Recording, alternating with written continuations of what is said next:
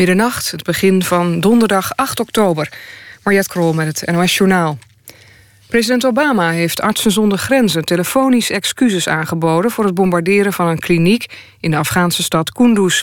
Hij beloofde dat het Amerikaanse onderzoek naar de aanval... transparant, grondig en objectief zal zijn. Artsen zonder Grenzen is daar kritisch over. De organisatie wil een onafhankelijk internationaal onderzoek. Bij de aanval kwamen zaterdag 12 artsen en 10 patiënten om het leven. De Tweede Kamer roept het kabinet op om zo snel mogelijk het aantal asielzoekers in het dorp Oranje weer terug te brengen tot 700.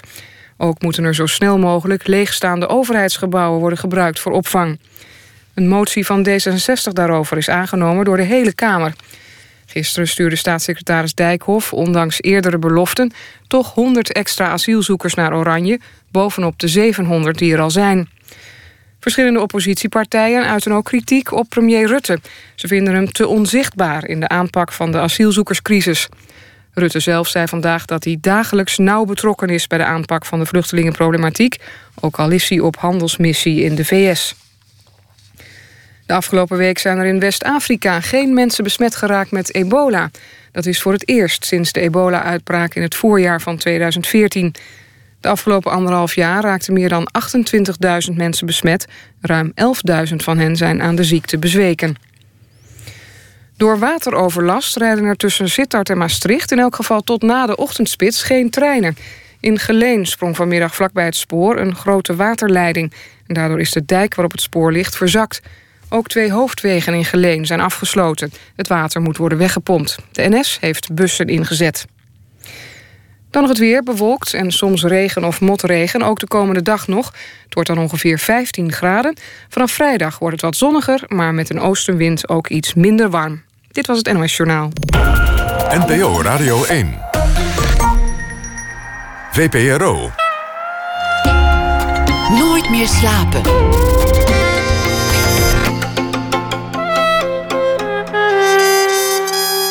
Met Pieter van der Wielen. Goedenacht en welkom bij Nooit meer slapen. Na ene een gesprek met Porgy Fransen, te zien in de film De lange nasleep van een korte mededeling. Ook aandacht voor de film over Pasolini, de vermaarde en vermoorde regisseur. Willem Dafoe die speelt de rol in die nieuwe film, maar Jeroen Spitsenberger speelde hem ooit eerder. We horen hem over uh, Pasolini. En de 3 voor 12 Muziek Award voor het beste Nederlandse album werd vanavond uh, bekendgemaakt. Dat ook allemaal na ene. Maar we beginnen met Ole Bouwman. Sinds januari woont hij in China, de stad Shenzhen, waar hij directeur is van het nog open te gaande Shaku Design Museum. Begin 2017 zal dat open gaan. Een prestigieus museum voor design en ontwerp. Een samenwerking met het Londense Victoria en Albert Museum. Dat museum moet een katalysator worden voor de Chinese creatieve en innovatieve industrie. Want nu de economie in China langzaamaan vertraagt, is dat de hoop. Weg van de copy-paste samenleving. Ole Bouwman was voorheen directeur van het Nederlands Architectuurinstituut. En daarvoor schreef hij eh, artikelen als eh, cultuurhistoricus over de bouwkunst. En hij is geboren in 1960. Welkom, Ole Bouwman. Dankjewel. Dit is mijn werkplek. Dit eh, gebouw hier op deze verlaten betonnen vlakte aan de rand van Hilversum. Als je het niet in de context zou zien, zou je zeggen: Nou, dat is qua stroming communistische bouwkunst. Zeg maar laat Oostblok. En dit gebouw is nou niet echt een hoogtepunt van de, de architectuurgeschiedenis. Jouw werkplek in China, wat is dat voor uh, plek? Nou, mijn huidige werkplek is ook een uh, recht toe aan modernistisch uh, wolkenkrabber. Ik werk nu op de 26e verdieping van een toren die is ontworpen door het Amerikaanse bureau SOM. die in het Verre Oosten de afgelopen jaren heel veel torens heeft neergezet. En ook in Shenzhen. En uh, dat is uh, uh, zolang als het duurt. Want als ik uitkijk vanuit mijn kantoor naar beneden... dan zie ik in de diepte een enorme bouwput. En daar wordt op dit moment een nieuw museum gebouwd. In een heel andere stijl. Het is van de Japanse architect Fumihiko Maki. Een van de oude meesters uit de Japanse architectuur. Inmiddels 87 jaar. Maar nog altijd alive and kicking. En die heeft een ontwerp gemaakt voor een gebouw wat bijna in het landschap ondergaat. Het is een gebouw waar je doorheen kunt lopen, maar ook overheen kunt lopen. Het park uh, gaat eigenlijk over het dak verder. Het park om het gebouw loopt over het dak door. En je kunt vanaf de ene kant van aan de stadzijde beginnen en dan een wandeling maken en bijna in de natuur je wanen en uiteindelijk landen aan de andere kant aan het water. Waar je kunt uitkijken over de baai, over de Pearl River. En in de verte zie je Hongkong liggen. Het is een havenstad, het is een miljoenenstad. Shenzhen, wat voor sfeer ademt het? De, de architectuur, de, de gebouwen, is dat nog steeds een sfeer van optimisme, van, van naar voren kijken? In Shenzhen? Ja. Als stad? Nou, Shenzhen is een stad die een geschiedenis heeft die eigenlijk maar teruggaat tot uh, eind jaren 70. Daarvoor was het een dorp. En door de openlegging van China en expliciet een, uh, een economisch stimuleringsbeleid van Deng Xiaoping in die tijd heeft Shenzhen een hele bijzondere positie gekregen als speciale economische zone. Toen begon er een bouwboom die uh, tot op de dag van vandaag doorgaat. Uh, dat is bijna allemaal in moderne stijl. Dus als je nu je ogen laat gaan langs de skyline van Shenzhen, dat kan ik ook doen vanuit mijn kantoor. Dan zie je een oneindige vlakte van, van, van stedelijke ontwikkeling, van ja, bijna een, eh, een, asfaltjungle, zouden sommige mensen zeggen. Het is een metropool van ongekende omvang. Het heeft nu geloof ik 16, 17 miljoen inwoners. Dus die ene stad heeft net zoveel inwoners als heel Nederland. En ja, heeft iets, heeft iets uh, abstracts. Het heeft iets heel erg modernistisch. Maar tegelijkertijd heeft het ook iets van een geweldig vat van vol kansen voor nieuwkomers. En die stad is ook beroemd en berucht als een stad waar je begint uh, in je uh, stedelijke carrière, zeg maar. Dus het een stad vol... Uh, migrantenstad. Hier is het een scheldwoord geworden, maar een stad ja. vol gelukzoekers. Eigenlijk. Dat is het, ja. Hoe komt een, een ja, hoe komt een, een Nederlands cultuurhistoricus ineens daar terecht? Want het is een prestigieus museum. Er zit veel ambitie achter. Waarom hebben ze jou gevraagd? Uh, ze hebben mij gevraagd om een aantal redenen. En ik heb zelf ook nog een aantal redenen om dan op zo'n uitnodiging in te gaan.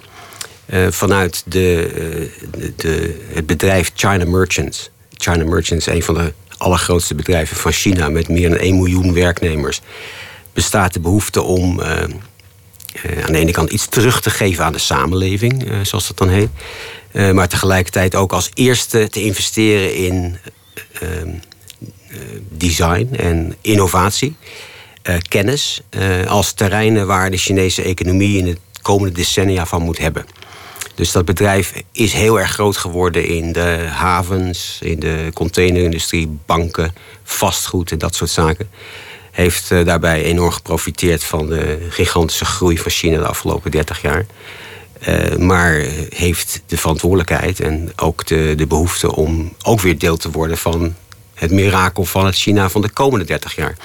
En men denkt dat uh, kennis en creativiteit daar hele belangrijke pijlers in gaan worden. Dus een museum wat expliciet zich toelegt op het stimuleren van dat soort terreinen, dat, dat, dat is nu echt hun, hun pakje aan. Maar hoe kwamen ze dan bij jou? Want, want er zijn natuurlijk zoveel museumdirecteuren in de, in de wereld.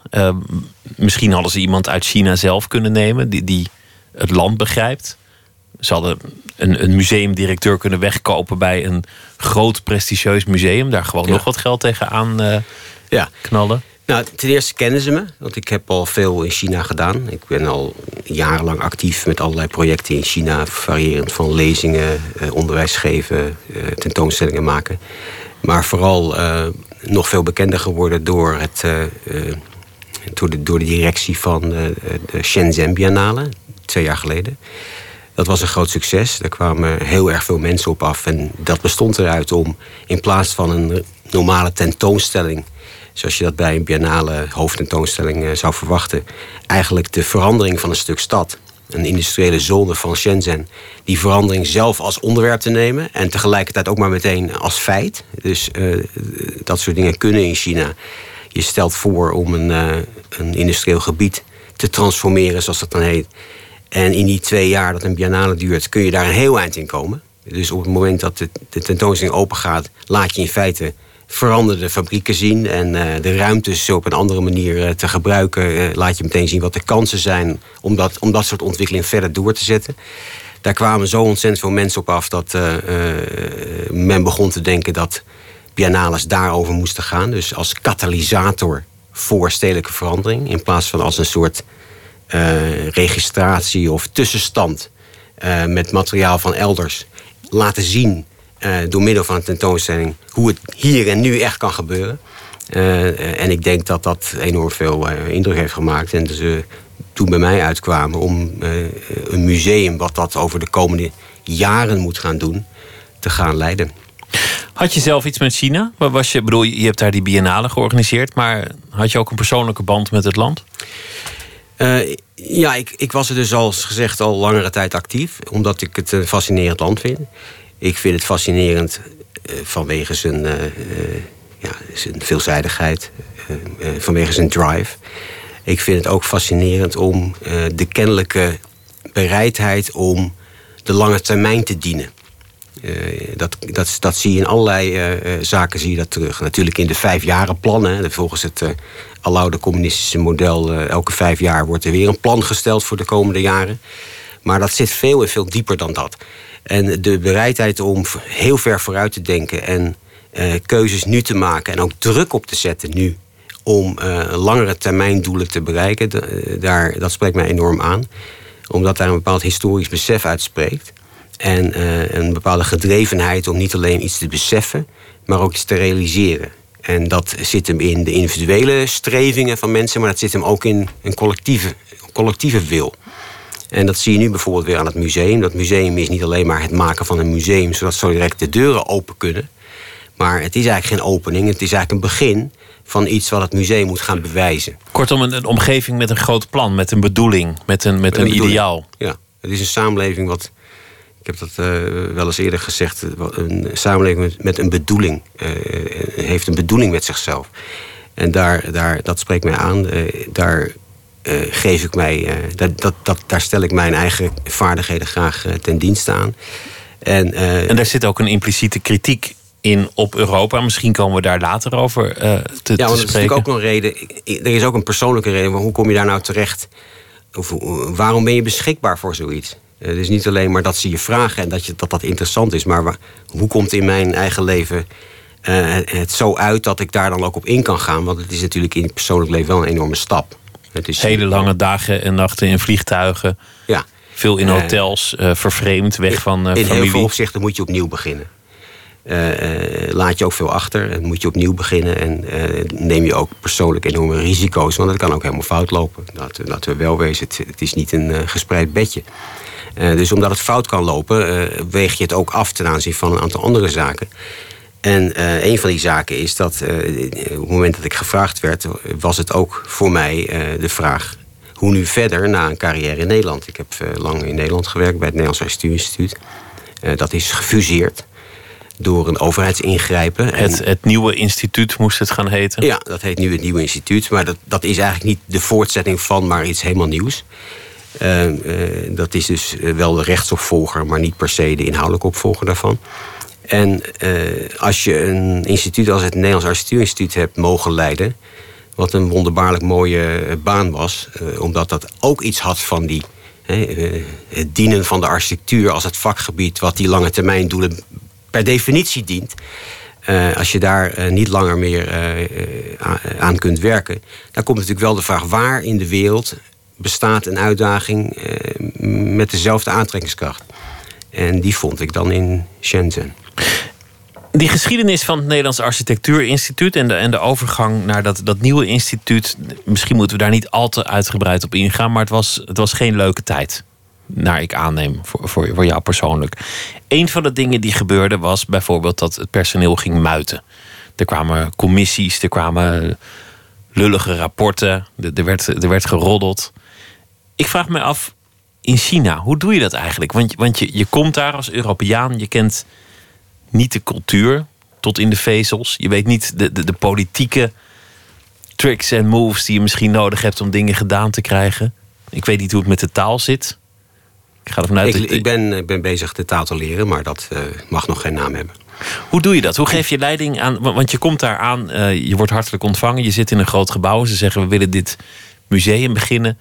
Maar eigenlijk zit je nog niet helemaal ingevoerd in die, in die samenleving. Hoe, hoe pak je dat aan? Nou, het is, het is, een, eh, eh, het is moeilijk. Want eh, er zijn niet alleen enorme verwachtingen. En er is niet alleen het feit dat je begint met niets. En het moet binnen twee, drie jaar iets fantastisch zijn. En men heeft er wel een voorstelling van. Maar hoe precies, dat weet men niet. Dus er eh, liggen enorme uitdagingen. Maar er is ook een cultuur van werken. Er is ook een eh, manier van communiceren. Eh, er is een omgang met problemen die totaal anders is dan wat we hier kennen. Problemen bijvoorbeeld, die los je in China niet op. Gewoon helemaal niet. je lost een probleem niet op. Problemen lossen op. Je Als wacht tot het probleem zich oplost. Nou, je doet daar natuurlijk wel van alles aan. Maar eh, een- een probleem oplossen veronderstelt een soort frontale eh, relatie met het probleem. Dus eh, daar is het probleem en hier zijn wij of hier ben jij. En eh, je gaat dat probleem oplossen. Eh, en je bent gefocust om dat probleem op te lossen. Maar dat werkt in China heel slecht. Eh, je probeert op een andere manier het probleem zich te laten oplossen. En, en dat betekent dat je omstandigheden, dat je bezig bent de omstandigheden te masseren op zo'n manier dat het probleem op een gegeven moment eh, als vanzelf oplost. Dus de oplossing van het probleem kent eigenlijk geen auteur. Dus hier zou je kunnen zeggen een interim manager of een, eh, eh, een andere leidinggevende die wordt ingehuurd om dat probleem te tackelen. Zo werkt het dus China niet. Het oplossen van een proble- probleem kent geen auteur. Maar het wordt wel opgelost. Doordat mensen er op een gegeven moment in dat massageproces de omstandigheden weten te scheppen dat, eh, dat er eh, ruim baan wordt gegeven aan het beste. Kortom, dat het in ieders belang is om het probleem opgelost te zien. Ja, maar het wordt dus op, op, op, op het moment dat het bijna zover is, wordt dat opeens helemaal eh, eh, gerelativeerd. En eh, eh, eh, neemt niemand daar de eindverantwoordelijkheid over. Of niemand komt ervoor op door te zeggen: Nou, kijk, hier ben ik. Ik ben de oplosser van het probleem. Dat eh, wordt niet zo geapprecieerd. Dus eh, eh, uiteindelijk zou je, op, als je op die manier zou werken, en dat geldt ook voor mij, zou je andere mensen die hebben veroorzaakt, gezichtsverlies laten leiden. Want er is altijd een oorzaak van. Maar dan moet je heel snel leren. Als je, als je daar net komt, en ik bedoel, je bent ook niet, niet de grote deskundige, je kent misschien al die codes niet. Je voelt, voelt misschien niet alles meteen aan. Je, moet snel leren, anders heb je weer iemand beledigd. Ja, maar dat, dat, ik denk dat dat ook in mijn karakter zit om eh, eh, met geduld een heel eind te komen. Eh, net verwees je naar het NAI en naar een aantal zaken die daar speelden. Dat is een paar keer geweest, maar het geduld heeft wel getriomfeerd en uiteindelijk geleid tot een prachtig resultaat. Nou ja, in Nederland hebben we ook dat soort codes. Hè. Mensen willen heel veel overleggen. Da- da- daar klagen buitenlanders altijd over. Dat- je in Nederland voor je een, een boom kunt planten 16 uur moet overleggen per, per zaadje. Ehm, je moet dronken worden met mensen, anders willen ze geen zaken met je doen. Ze moeten, ze moeten je even met, met eh, ja, lallend met wat kwel je mondhoek hebben gezien in, in een café of zo. Dat soort codes moeten in China ook spelen. Hoe, hoe doorgrond je? Heb je daar hulp in? Heb je mensen die jou adviseren? Ja, kijk, ik, ik heb er eh, al veel gedaan, dus ik eh, ken enigszins de spelregels. Eh, maar het is ook zeker gewoon de, de, mijn eigen geduldigheid en focus op het gemeenschappelijke doel en het lange termijn doel, wat uiteindelijk wel de doorslag geeft. Dus ik ben zelfs letterlijk ingehuurd als foreign expert. Zo heet dat. Dus je krijgt een eh, paspoort. eh, of een document dat ziet eruit als een paspoort. En daarmee ben je foreign expert. eh, omdat je daarmee kunt aantonen dat je iets kan wat niemand in China kan. Dus dat soort documenten, daar moet je, die moet je hebben. En dat betekent ook dat je een bepaald soort autoriteit krijgt... omdat ze daarmee toegeven dat ze dat niet zelf kunnen.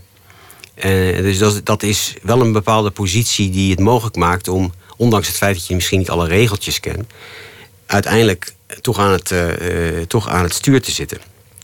Het museum, want het, uh, ik, ik zei begin 2017 moet het open. Ik, ik weet niet of, de, of dat nog steeds de, de, de ja, richtdatum is. Dat is nog steeds. Het, het moet een prestigieus instituut worden. Het moet laten zien waartoe de Chinese ontwerpindustrie in staat is op dit moment. Ja. Kun, kun je iets van een visie geven van hoe het eruit gaat zien? Als je daar binnenkomt in 2017, wat voor sfeer het ademt, wat je, wat je daar te zien moet krijgen.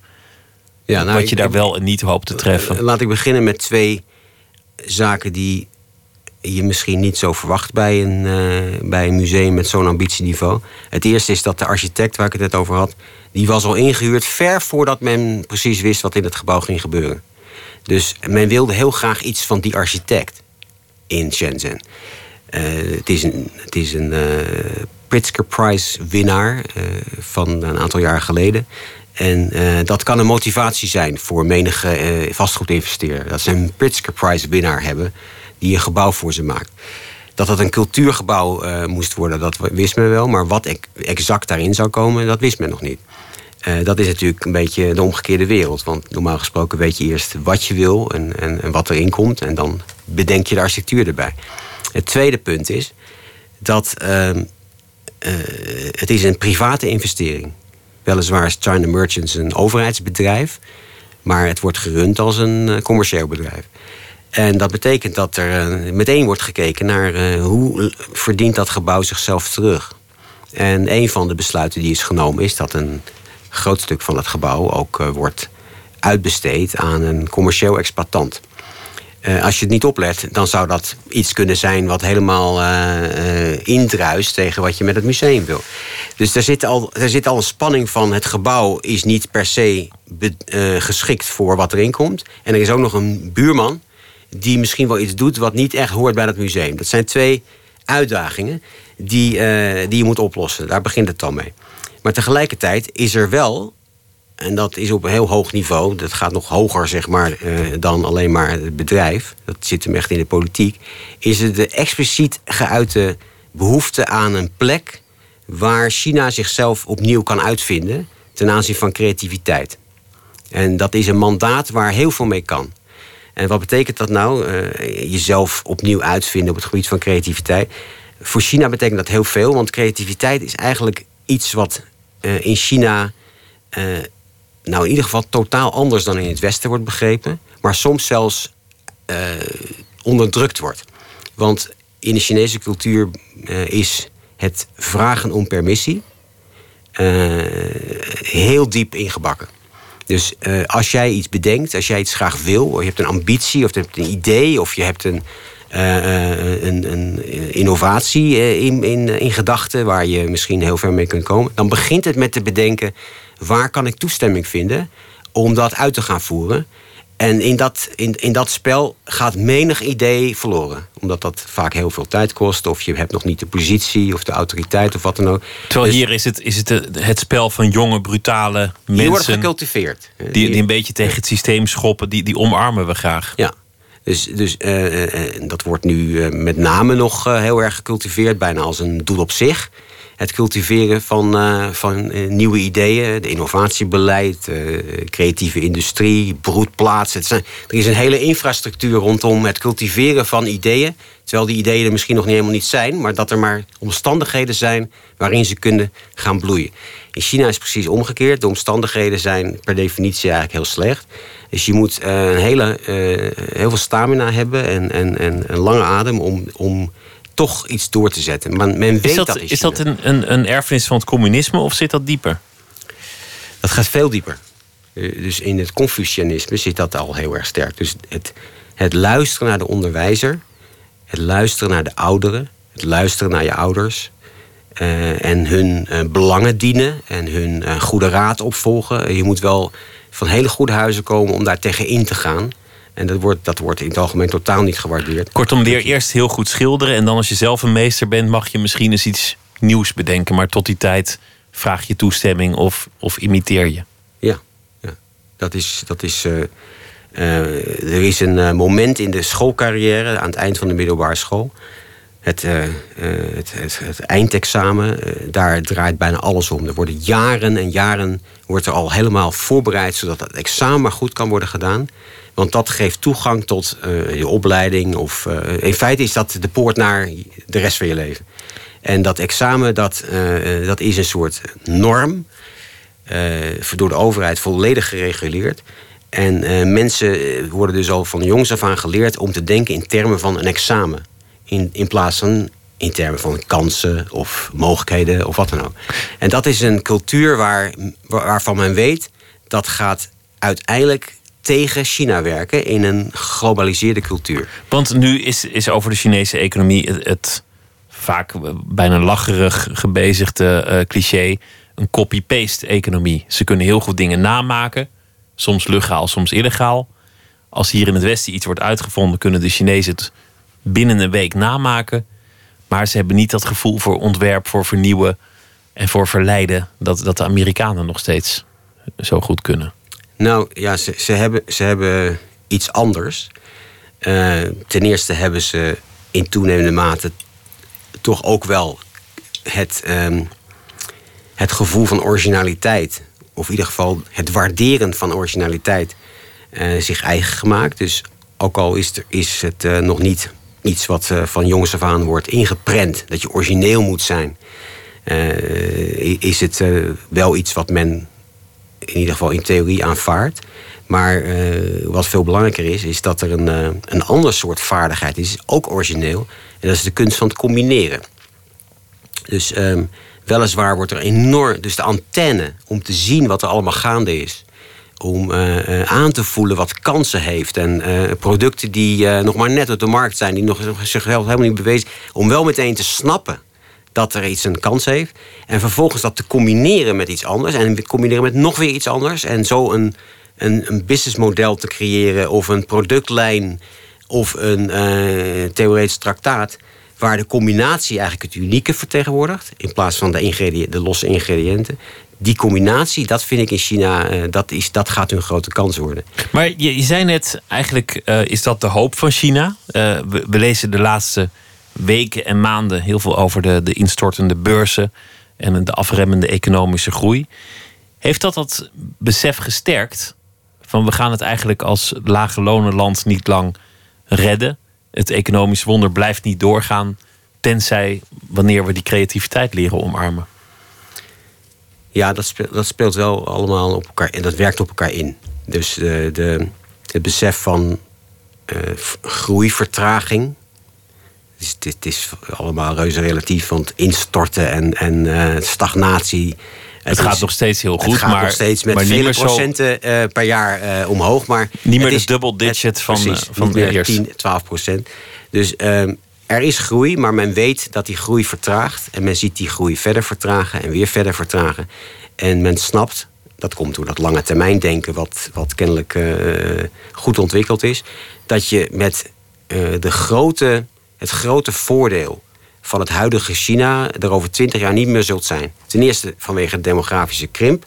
Er komt een eind aan die, uh, aan die enorme uh, ja, die enorme concentratie van beroepsbevolking, zeg maar. Er is, zal vergrijzing zijn, er zal niet reproductie genoeg zijn om, om die toekomst te, veilig te stellen.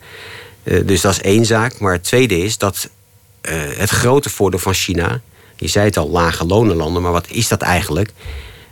men zegt, men noemt dat het dividend van het getal. Dus puur door zoveel arbeidskracht te hebben, kun je, als je industrieel wil, wilt inhalen, een heel eind komen. Door fabrieken te bouwen en massaproductie, et cetera. Je hebt arbeiders nodig en die kunnen dat relatief eenvoudige werk in industriële uh, productie goed aan. Maar uh, dat heeft zijn cyclus natuurlijk en uh, dat komt nu op zijn eind. En men zal op een andere manier moeten produceren en waarde creëren, niet meer in massaproductie. Dus de, de, de overheid zegt dat expliciet. Wij moeten van een dividend van de bevolking naar een dividend van de geest. Kortom, een, een innovatieve, creatieve samenleving. Kan dat in een, in een toch nog steeds niet democratisch land? Want, want er is lange tijd aangenomen eigenlijk dat bepaalde dingen met elkaar kwamen. Een innovatieve samenleving had te maken met wetenschap. En wetenschap kon alleen gedijen in een democratisch land. En zo prees het Westen zichzelf stelselmatig. Ja, dat is het zelfbeeld van het Westen. Dus, dus, Wat, hoe, hoe denk jij daar vanuit China over inmiddels?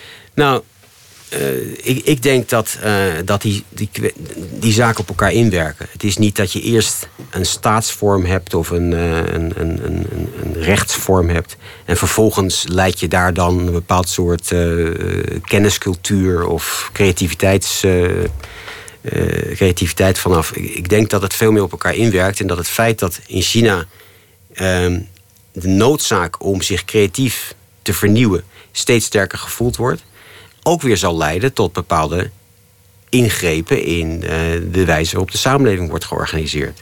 Dat zie je al gebeuren. de, de, de, de, het aanwijzen van uh, speciale economische zones. In het verleden was daar ook al een voorbeeld van. Dus als, als de, de Chinese samenleving niet bereid was geweest zich juridisch en politiek en maatschappelijk te vernieuwen eind jaren zeventig dan had het nooit die stap kunnen maken naar uh, internationale investeringen en vervolgens partnerships en export. dat is wel gebeurd omdat men begreep dat het niet anders kon. En nu is dat weer zo.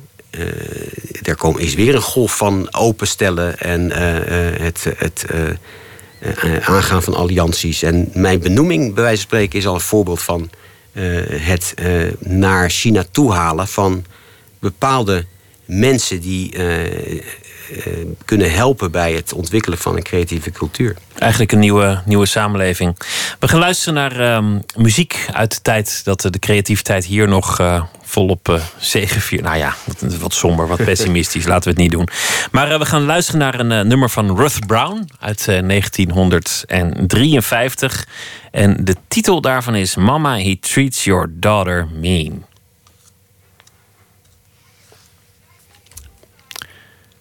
Ruth Brown.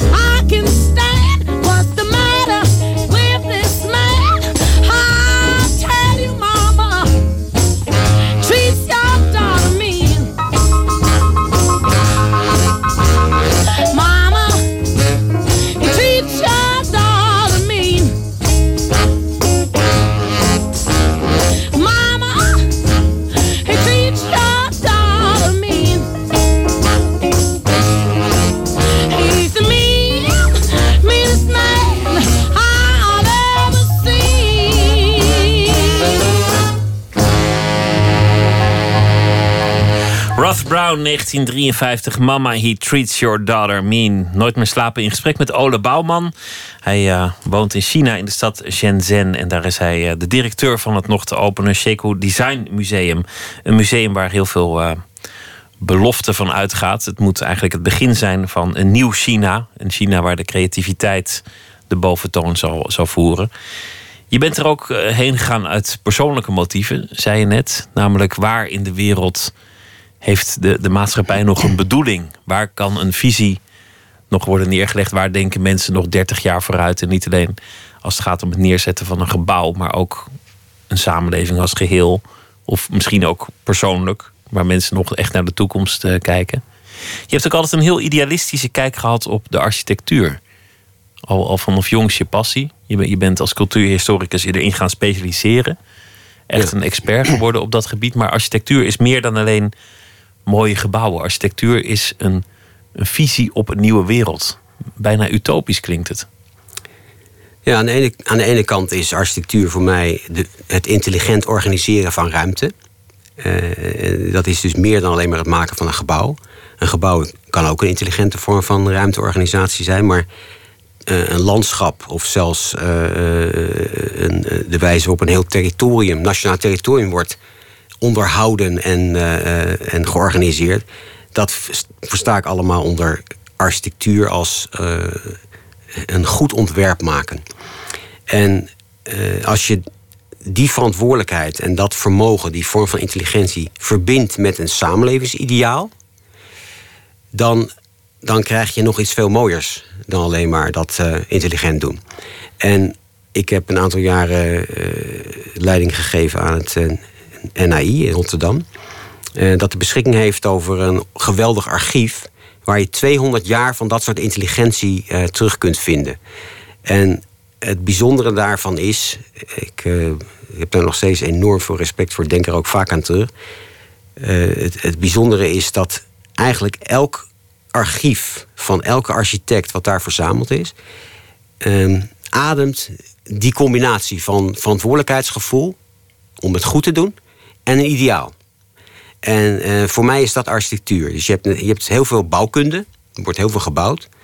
Uh, heel veel uh, bouwkunde is gewoon een oplossing van een ruimtelijk probleem. Er is een behoefte aan iets. En het wordt dan gebouwd. En het accommodeert dan iets wat, er, wat, wat, wat een plek moest hebben. Dan ben je er nog niet met architectuur. Want nogmaals, het is het, die combinatie met ideaal... die moet nog gemaakt worden dat is uh, voorbehouden aan uh, maar weinigen die dat kunnen. En uh, wat zo bijzonder is aan het archief is eigenlijk... je, je hoeft er maar een, een, la open te trekken of een doos open te doen...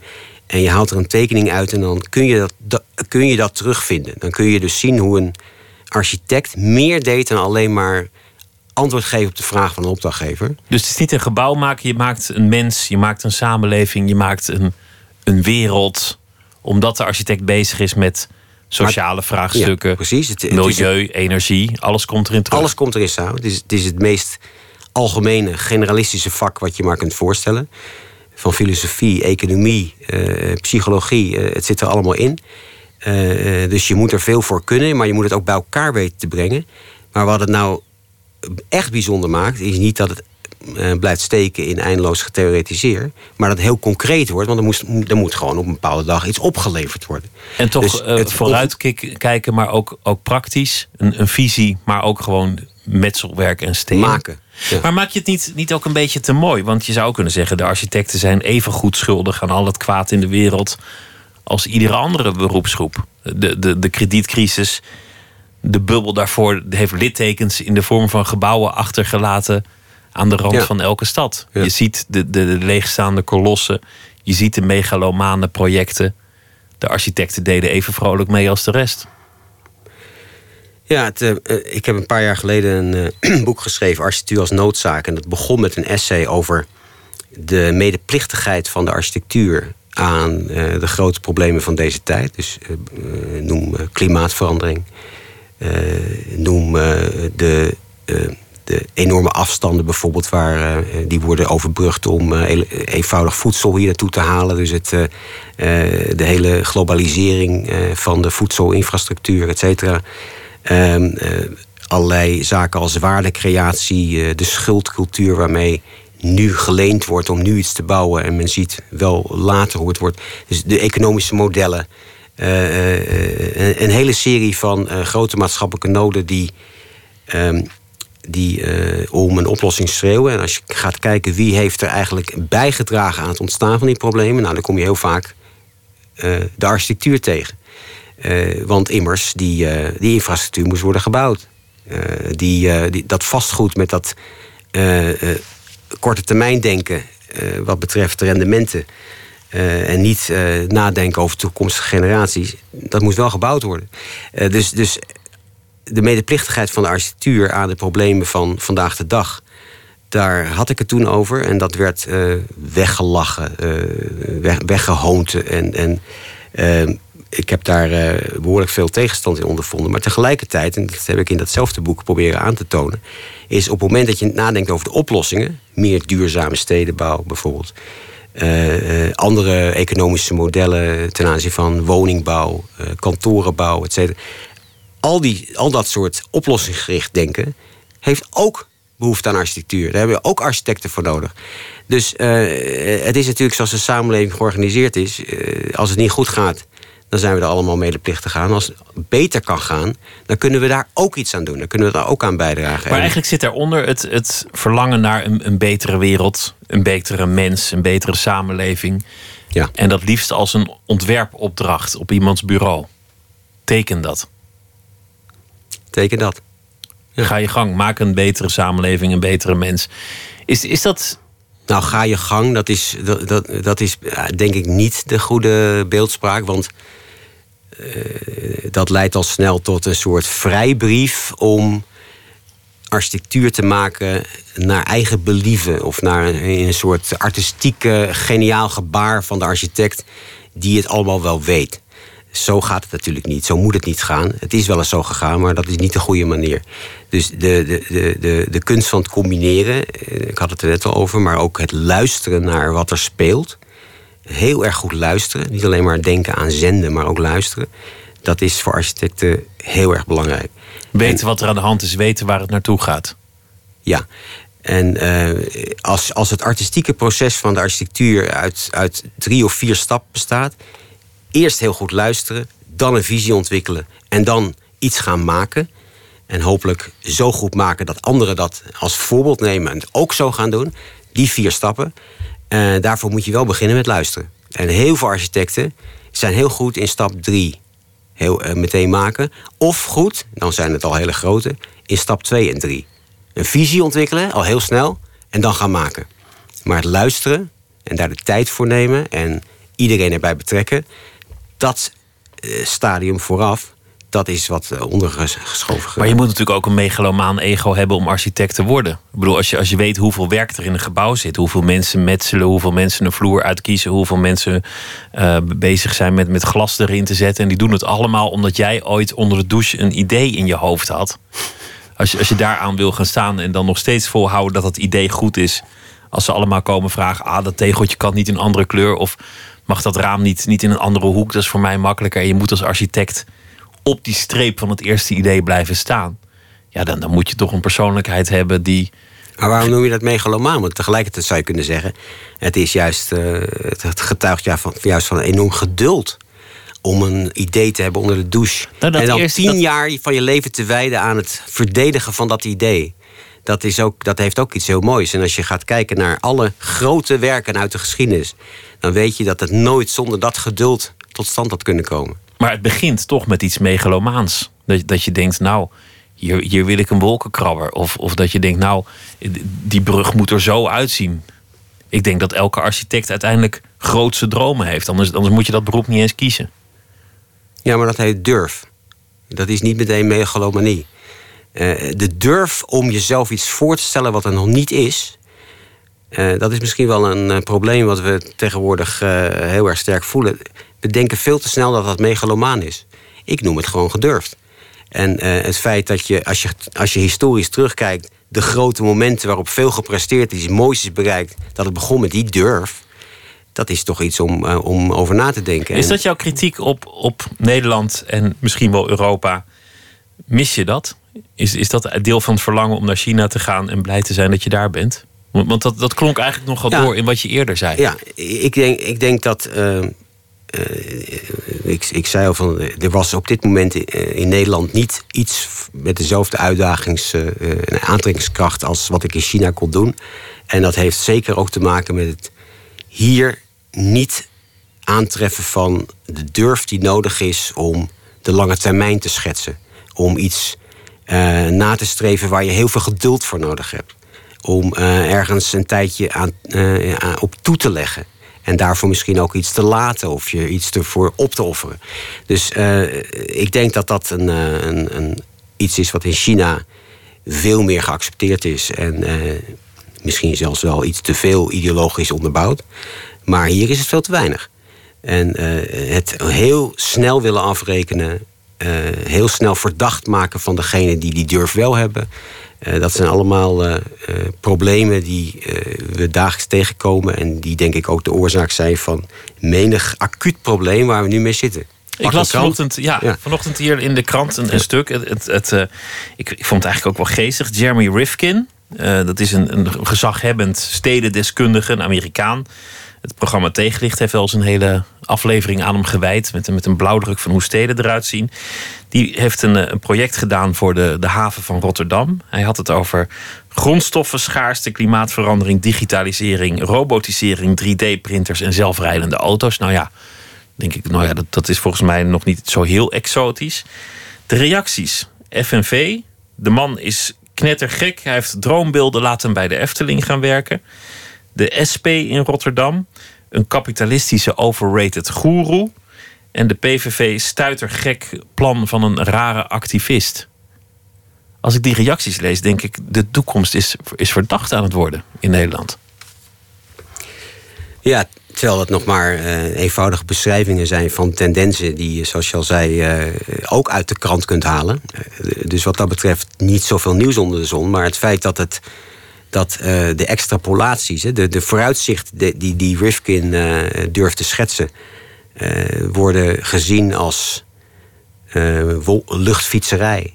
Of erger, zegt natuurlijk wel iets over het vermogen van diezelfde eh, politici om zelf visie te ontwikkelen of eh, eh, vooraan te staan ze- bij het. eh, Ze hebben geen argumenten waarom het niet zo zou zijn. Ik bedoel, het is, het is, meer- het is eigenlijk een beetje schelden wat ze doen. Ja, ik weet natuurlijk niet precies wat daar de, wat, wat daar de achtergrond van is. Maar ik weet, ik, ik ken het werk van Rifkin. Die, eh, die probeert al eh, zijn hele leven eh, om de zoveel jaar een bepaald soort. eh, een aantal tendensen die er technologisch, maatschappelijk spelen, samen te ballen in één overkoepelend verhaal. En daarmee gaat hij dan weer de, de, de wereld rond met lezingen. En ik kan me best wel voorstellen dat sommige mensen dan daar eens genoeg van hebben. Ja, dat klinkt, klinkt wel heel hermetisch of fataal. En daar, daar wil- willen we nog een nachtje over slapen. Maar aan de andere kant is het wel altijd eh, geboren uit, eh, uit weer dat die antenne die je nodig hebt om te weten wat er in de samenleving speelt. Dus 3D-printen, ja, daar kun je heel snel eh lacherig over doen. Over, nou ja, dat is, een, dat is iets wat voor freaks. Of je doet er heel snel eh, over van, eh, ja hoor, over, over vijf jaar kan iedereen zijn eigen interieur printen. Iedereen kan zelfs zijn eigen operaties gaan doen. Eh, er zijn fantastische visioenen voor, voor over bekend. Maar als je het probeert te koppelen aan technologische vernieuwing, de wijze waarop onze arbeid is georganiseerd bijvoorbeeld, en de gevolgen die het zal hebben voor ehm, allerlei maatschappelijke verhoudingen, ja, dan moet je je ertoe verhouden. Kan Maar je kan ook zeggen, het is een oude samenleving. Eh, Veel dingen hebben zich al bewezen. Dan, dan, dan wordt het ook rustiger. China moet veranderen, voelt die noodzaak, wil iets uit de grond stampen. Misschien is het ook wel logisch dat we in, in, in het Westen wat rustiger zijn op dat vlak. Ja, dat, eh, dat, daar zit ik ook wel eens eh, over, over te denken. Dat de, de behoefte aan lange termijn, is dat nou iets wat per definitie goed is? Of is dat alleen maar goed op het moment dat het hier en nu eh, nog onbeholpen is of eh, eh, niet zo prettig? En dat er nog heel veel moet gebeuren om het prettiger te krijgen. En zo zou je ernaar kunnen kijken. Dat is denk ik de klassieke conservatieve houding.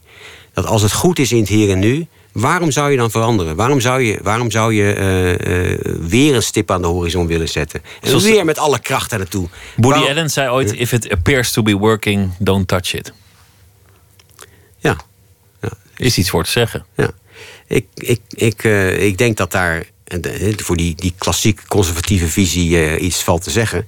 Zeker als dat met eh, verven en met, eh, bij wijze van spreken, met eenzelfde soort lange termijn perspectief wordt verdedigd. Dus niet als een soort reactieve houding of heel behoudende eh, eh, eh, opvatting, waarin per definitie geen plaats is voor verandering, maar als een bewuste keuze. Daar zou ik me iets bij voor kunnen stellen. Dus je, dat, je, dat je echt heel erg helder maakt wat er in het hier en nu heel erg goed is. En dat je heel erg helder maakt wat zijn de instrumenten om dat te behouden.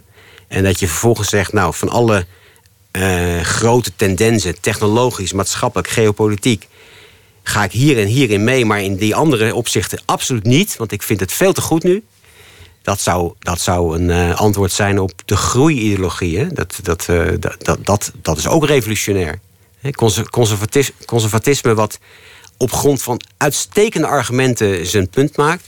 dat is ook revolutionair, want dat zie je haast niet. Hoe zie je dat in, in China? Want ze willen die nieuwe samenleving. eh, niet een imitatie van het Westen, maar een, een eigen nieuwe samenleving. Er zijn ook hele grote ehm, projecten over duurzaamheid. Tegelijk is het een enorm vervuilend land. Die creatieve klasse die langzaam opkomt. Ja. De Chinese kunst die ook de interesse wekt van westerse conservatoren. Die, die nu al zeggen, we hebben eigenlijk een aantal belangrijke kunstenaars gemist. Die kunnen we nu niet meer betalen, maar die hadden we eigenlijk in onze collectie moeten hebben. Hoe ga je daar als museum op inspringen? Hoe ga je dat nieuwe China daar aan de, aan de muur krijgen? Wat zijn de werken die je heel graag wil tonen? De kunstenaars die je heel graag wil binnenhalen? Ja, ik ben eigenlijk van plan om daar niet zoveel aan te doen. Eh, eh, ten eerste omdat er eh, al een behoorlijk deel van het museum zal zijn gewijd aan collectiestukken. Ten eerste is er een partner uit Beijing, het Guangfu Museum, wat eh, een groot deel van een prachtige collectie naar Shenzhen zal brengen. Eh, een collectie eh, uit eh, de voormoderne tijd, dus antieke stukken uit China. En dan vervolgens het Victoria Albert Museum, wat ook een, een groot aantal stukken uit de 20e, eeuw- 21e eeuwse collectie zal laten zien. Dus eh, wat dat betreft, het overzicht van het hele bijzondere, het, het wonderschone, het miraculeuze, het iets om nooit te vergeten, dat, dat, daar is eigenlijk al in voorzien. Met die twee partners die dat hopelijk op een hele mooie manier gaan tentoonstellen, zal dat geregeld zijn. Wat er nog moet gebeuren is die richting aangeven, die, die agenda. Eh, dus ik ben van plan om een aantal tentoonstellingen te maken die puur agenderend zijn. En die een soort projecties zijn van wat dat creatieve vermogen van China eigenlijk zou kunnen gaan betekenen voor tal van maatschappelijke terreinen. Eh, voor eh, de, de eh, industrie, maar ook bijvoorbeeld voor hoogtechnologische takken van sport, zoals robotica en domotica. Ehm, en na te gaan waar op dit moment de meest innovatieve figuren, personen, bedrijven, instituties zijn. Heel erg goed analyseren wat zijn de dilemma's die nu spelen binnen, die, binnen hun, hun oeuvre of binnen hun portfolio of wat dan ook. En dan eh, proberen de eh, eh, slimste koppen bij elkaar te krijgen om met deze instituties verder te kijken naar de naar de komende 5, 10, 30 jaar. En die projecties van de toekomst in beeld te gaan brengen. En daarmee eigenlijk op een tal van, een tal van maatschappelijke terreinen richtingen aangeven. En de bezoeker te laten wandelen door die toekomst. En eh, aan te bieden, wat, eh, een aantal scenario's aan te bieden en ook keuzemogelijkheden om ze zich te laten uitspreken wat daarvan wenselijk is en wat niet. Eh, dus eh, niet alleen als een soort voldongen feit of het gaat die kant op met dat eh Tencent. Geen, geen vijfjarenplan, dat was het communisme. Geen- hè, niet zo van we gaan daarheen en, eh, en iedereen koppen dicht. We, we doen dat gewoon. Maar eh, eh, een aantal scenario's. eh, dat als de keuze nu deze kant op valt of de andere kant, dan betekent dat die en die consequenties. En wat vinden we daar eigenlijk van? En daarmee dus niet alleen maar de mensen door de toekomst te laten wandelen, bijna letterlijk, maar ze ook de instrumenten geven om daarop te reflecteren en een oordeel over te geven. Voor jouzelf, je zei ik, ik neem enorm persoonlijk risico. Zo'n prestigieus project. Je had ook hier verder kunnen gaan als uh, wetenschapper, als visionair of, of uh, architectuurkenner, schrijver. Ja. Je, je, bent dit drieste avontuur aangegaan, waar, waar zoveel prestige op ligt. Wanneer, wanneer is het geslaagd? Wat is het moment dat je bij jezelf denkt: het is gelukt, ik, ik kan gaan? Nou, in mijn contract staat het realiseren van een uh, volwassen, uh, volwaardig internationaal erkend museum. Dus een uh, opdracht die doorgaans niet in een contract valt vast te leggen. Dat is meer een soort hoop die wordt uitgesproken. Maar in mijn geval wordt dat meteen in een contract vastgelegd. En dat betekent dus dat je aan de ene kant dat contract hebt. Dat gaat over drie jaar. En aan de andere kant die ervaring en het kennis van nou ja, zelfkennis. Waarvan, waardoor je weet dat er kan natuurlijk nooit in drie jaar. Dus uh, er, zit al een, er zit al een risico in uh, de spanning tussen contract en wat je weet wat er kan in drie jaar. En wat je weet wat er moet om zo'n ideaal te bereiken. Toch vind ik het heel erg mooi om te doen, omdat uh, ten eerste als het ideaal, als we volop over drie jaar volop bezig zijn dat ideaal dichterbij te halen, dan, uh, dan komen er vast nog wel een paar jaar bij. Uh, maar tegelijkertijd is het ook de druk die ik nodig heb om met één al vol gas te geven en ervoor te zorgen dat het niet bij een theoretische exercitie blijft. Dus ik ben nu acht maanden bezig en nu al eigenlijk het nu al ruimtelijk aan het denken hoe die tentoonstelling over de toekomst eruit moeten gaan zien. Wie dat moeten gaan maken. Welke partners daarbij zitten. Uh, wie daarin moet gaan investeren. Uh, hoe de routes lopen door het museum. Dus hele feitelijke zaken eigenlijk. Dus het, uh, het is belangrijk voor mij, denk ik, om meteen de, het, het gefilosofeer over mooie projecties over de toekomst om te zetten Net zoals de architectuur dat eigenlijk doet.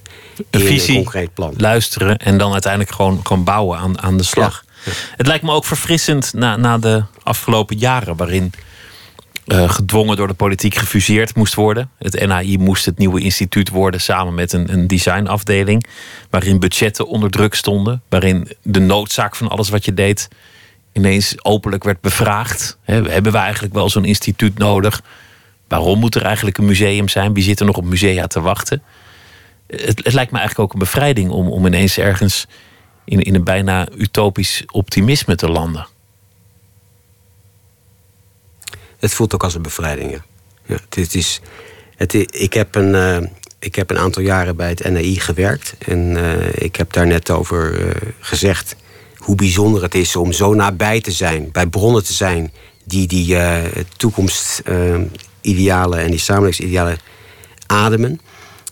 Tegelijkertijd word je onherroepelijk als directeur-bestuurder aan het werk gezet om een, een, politiek, een politieke keuze die er uh, ergens in Den Haag wordt gemaakt, om die vorm te geven.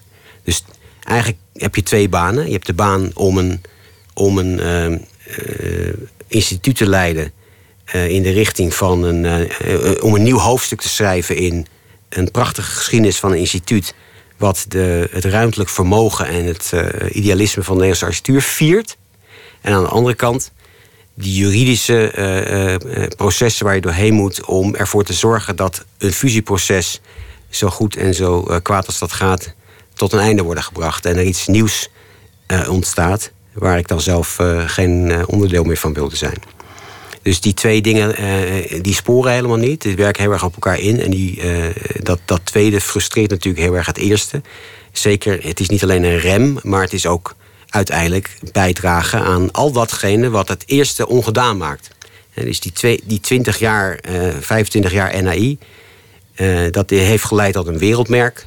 in de hele wereld kom je mensen tegen die dat NAI als een soort standaard beschouwen.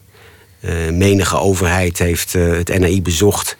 Uh, tot, van de Europese landen tot uit de rest van de wereld. Om te bedenken hoe maak je nou zo'n instituut wat de architectuur viert. Wat onze cultuur ook zou kunnen dragen, zeg maar. En daar een nieuw hoofdstuk in schrijven is een prachtige opdracht. En tegelijkertijd moet je het werk doen wat precies dat werk ongedaan maakt. Kortom, blij dat je er uh, toch ook vanaf bent. Nou ja, ik, ik, ik voel nu de vrijheid om me te concentreren op dat eerste. Ola Bouwman, dankjewel dat je te gast wilde zijn. Heel veel succes in uh, Shenzhen met het Shekou Design Museum. En dank dat je te gast wilde zijn. Zometeen gaan we verder met Nooit meer slapen met heel veel andere onderwerpen. Twitter, @vpro_nms of de mail nooit meer slapen @vpro.nl. Tot zometeen. Op Radio 1. Het nieuws van alle kanten.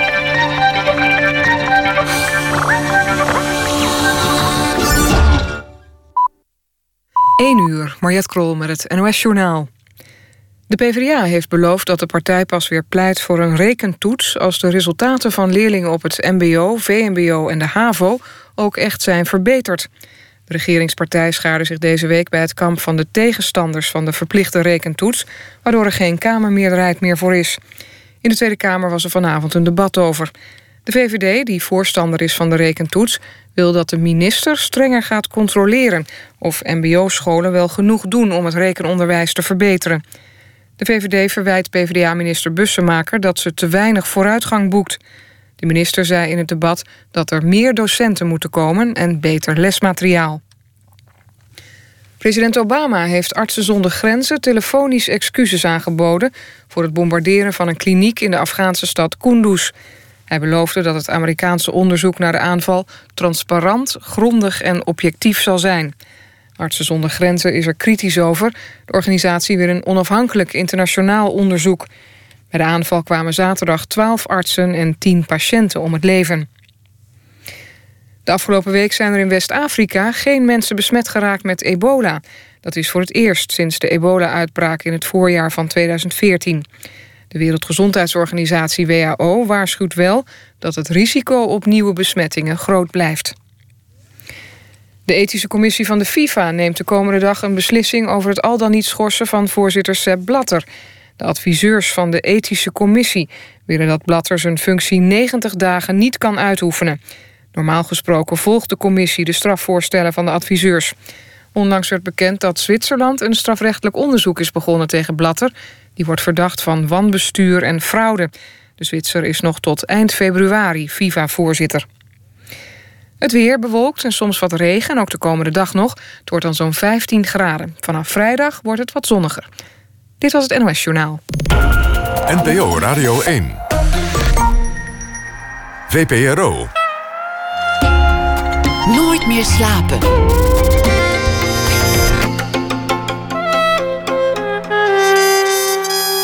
Met Pieter van der Wielen. U luistert naar Nooit meer slapen. Zometeen een gesprek met Porgy Fransen te zien in de One Night Stand film De Lange Nasleep van een Korte Mededeling. Die is uh, morgenavond te zien op NPO 3. Ook aandacht voor de film Pasolini van de Amerikaanse regisseur Abel Ferrara. Met Willem Dafoe in de rol van Pasolini. Jeroen Spitsenberger acteerde ook ooit die rol, Pasolini. Hij uh, bekeek de film voor ons. Anton Valens schrijft deze week elke nacht een verhaal voor ons. Hij is uh, schrijver en beeldend kunstenaar. En hij zal de afgelopen dag in literatuur proberen te vatten. Anton, goeienacht. Uh, ja, goeienacht Pieter. Ja, hoi. Weer een dag voorbij. Wat, wat hield je bezig vandaag? Nou, uh, waar ik een stukje over geschreven heb... is eigenlijk iets van vorige week. De aardbeving in Noordoost-Nederland. Dat is natuurlijk iets wat permanent eigenlijk gaande is. Ik kom zelf uit die, uh, uit die hoek vandaan. En uh, dit keer hoorde ik dat er ook een familielid van mij... enigszins bij betrokken was. Nou, ik ben benieuwd. Ga je gang. Oké. Okay. Um, vroeger had je in mijn herinneringen aardbevingen... alleen in exotische oorden als Japan of Indonesië. Net als vulkaanuitbarstingen. Later hoorde ik van IJsland. Tegenwoordig zitten ze ook bij ons. Vorige week waren er weer twee. Eentje bij Helm, de andere 50 kilometer zuidelijker, Emmen. Toen ik ervan hoorde, greep ik meteen mijn telefoon. Het kwam dichtbij nu. Mijn vader omschreef de Emmense beving als een plok. Geen gerommel of gedreun, maar een plok. Een plok, vroeg ik? Of een knal? Nee, geen geknal, een plok. Dat was alles. Ter illustratie maakte hij een kurkdroog geluid. Ik lag vroeg op bed, maar moest even naar de wc. Het was half twaalf. En toen hoorde ik een plok. Het leek alsof er beneden een kast was omgevallen. Zijn wakker geworden vrouw had geroepen... Oh, Jan valt van de wc. Dit sloeg op een oude buur die van de pot was gekletterd en prompt overleden. Maar nee, ik leefde nog. Verwarring. Er klonken wel vaker vreemde geluiden. Ze woonden dicht bij het spoor. Was er een gloortrein uit de bocht gevlogen? Beneden, in de woonkamer, brandde nog licht. Daar zat mijn oudste halfbroer te gamen op het moment van de klok. Die schreeuwde, het komt van onder de grond. Mijn vader, toen snapten we het. We werden rustig toen we wisten dat het een aardbeving was. Hij grinnikte om zichzelf. Of er schade was, kon hij nog niet zeggen. De scheuren in de muren konden ook door het goederentreingeweld zijn veroorzaakt. Het overheersende sentiment van de Emmenaren was, volgens hem... wij horen er nu ook bij. We tellen mee.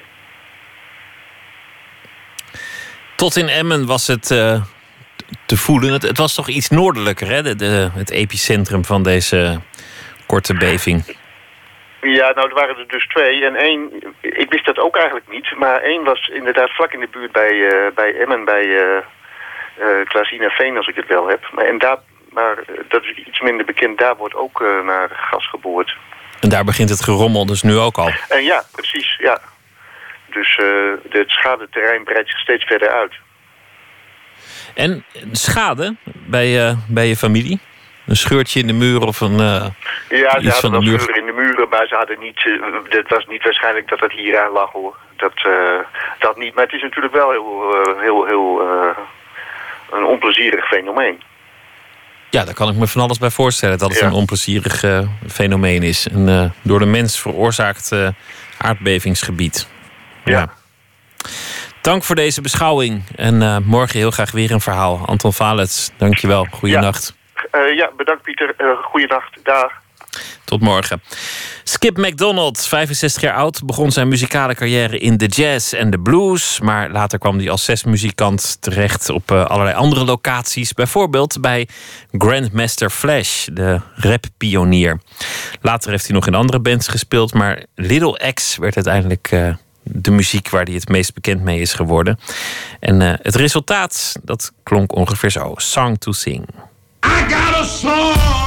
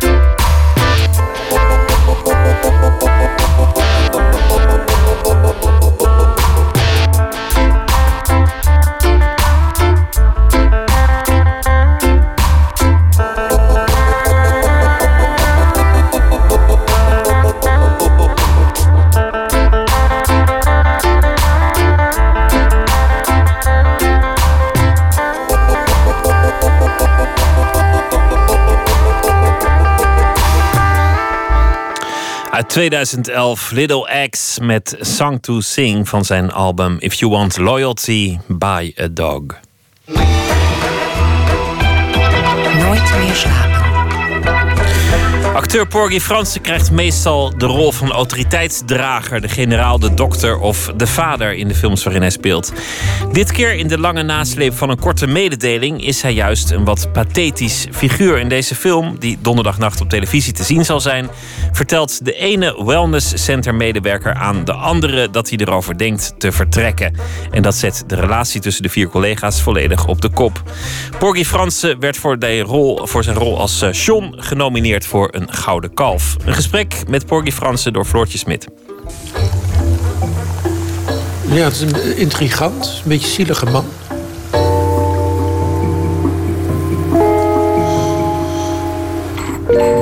Ik associeer het wel meteen met eh, wat op het ogenblik zo in het nieuws is. Hè? Dat mensen in, op werkvloeren en zo, zo gepest worden. En hij zou er natuurlijk een helemaal de figuur voor zijn om hem helemaal dood te pesten. Ja, deze man.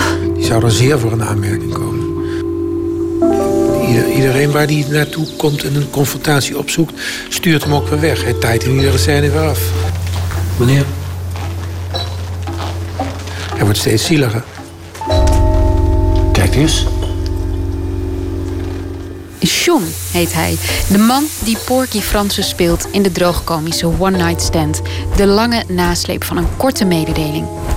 Als hij via via hoort dat een collega dreigt te vertrekken, ontpopt hij zich als een intrigant eerste klas.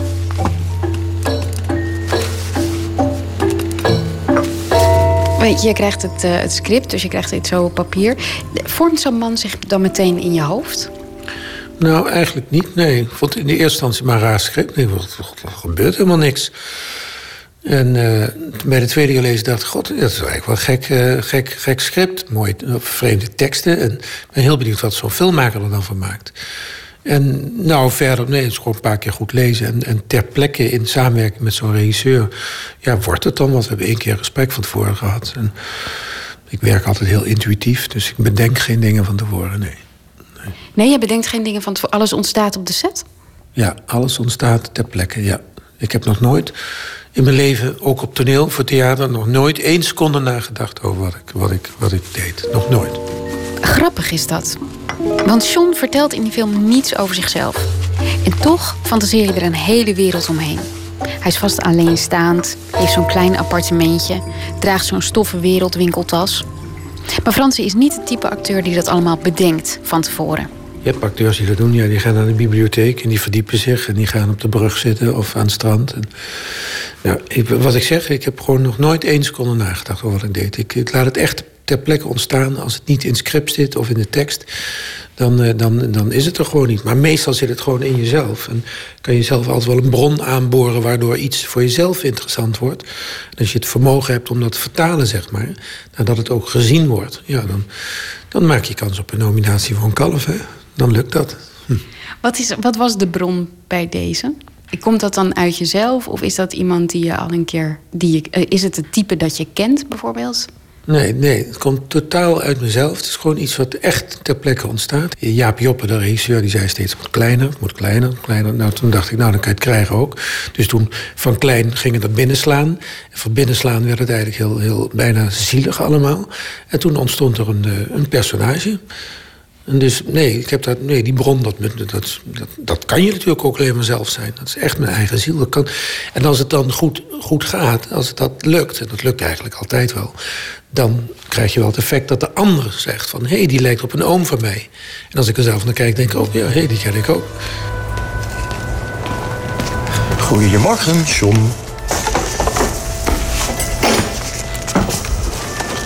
Goedemorgen, Johan.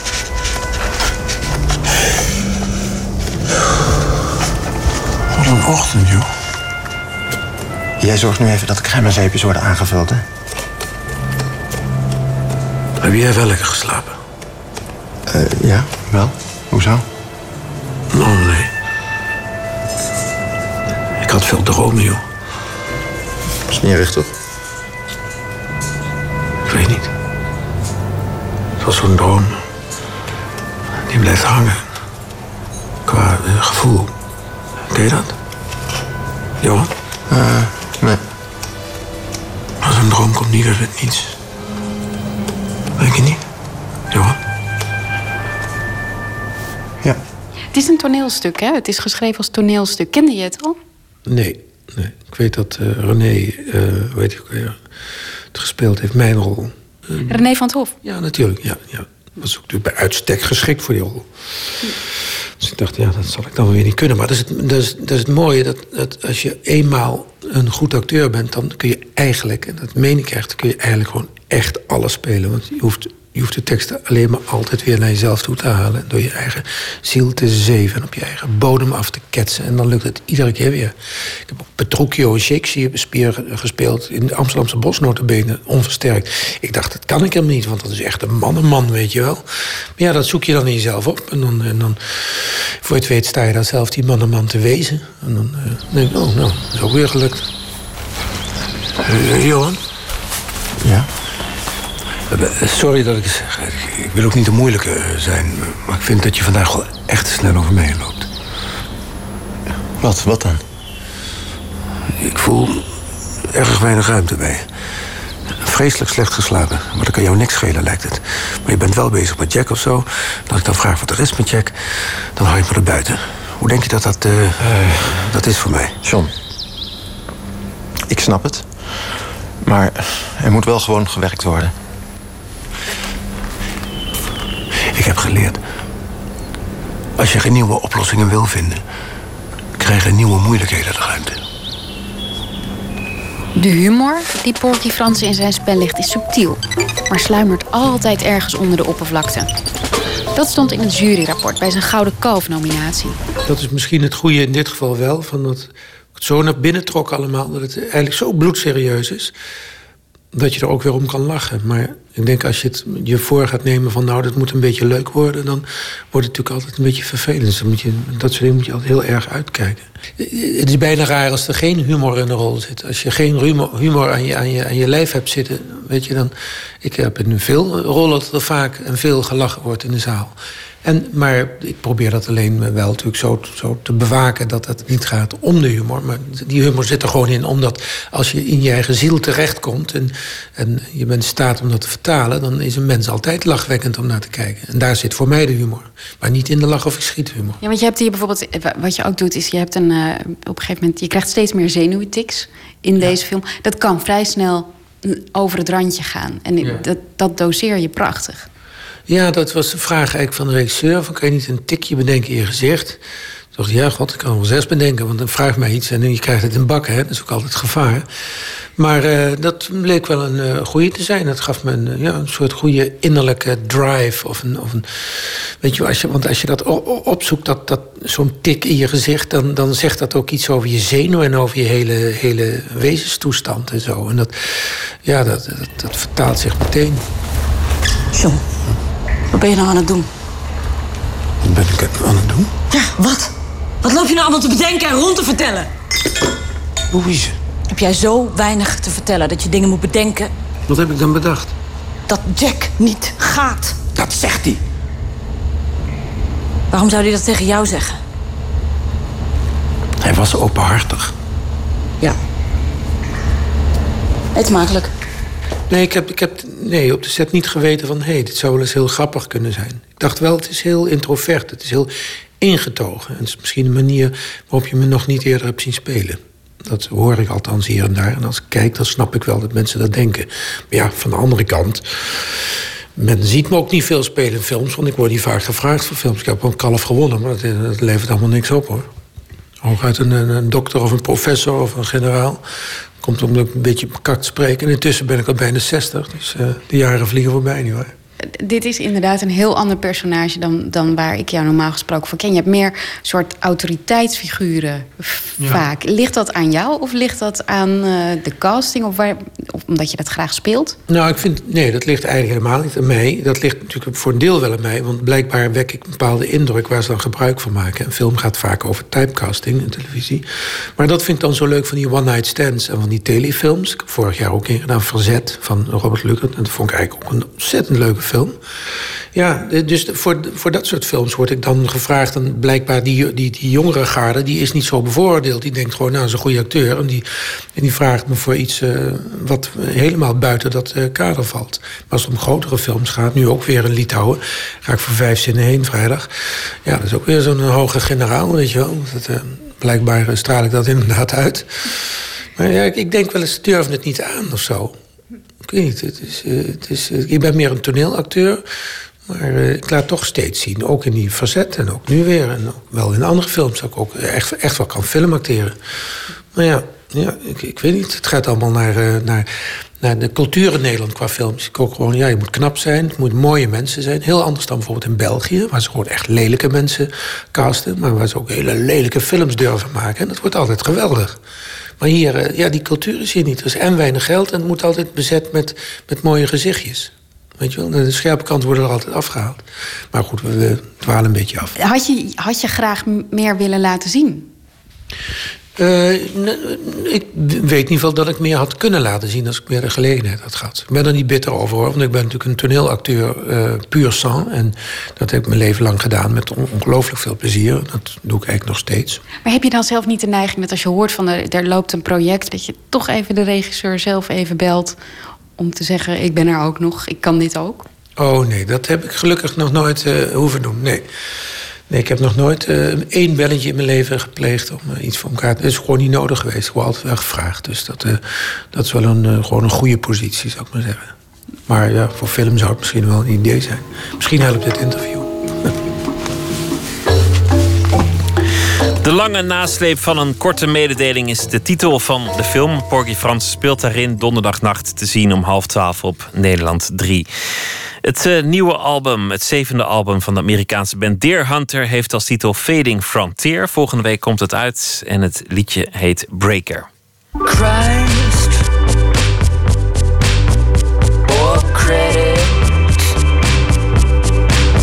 What's the price? What's the edit?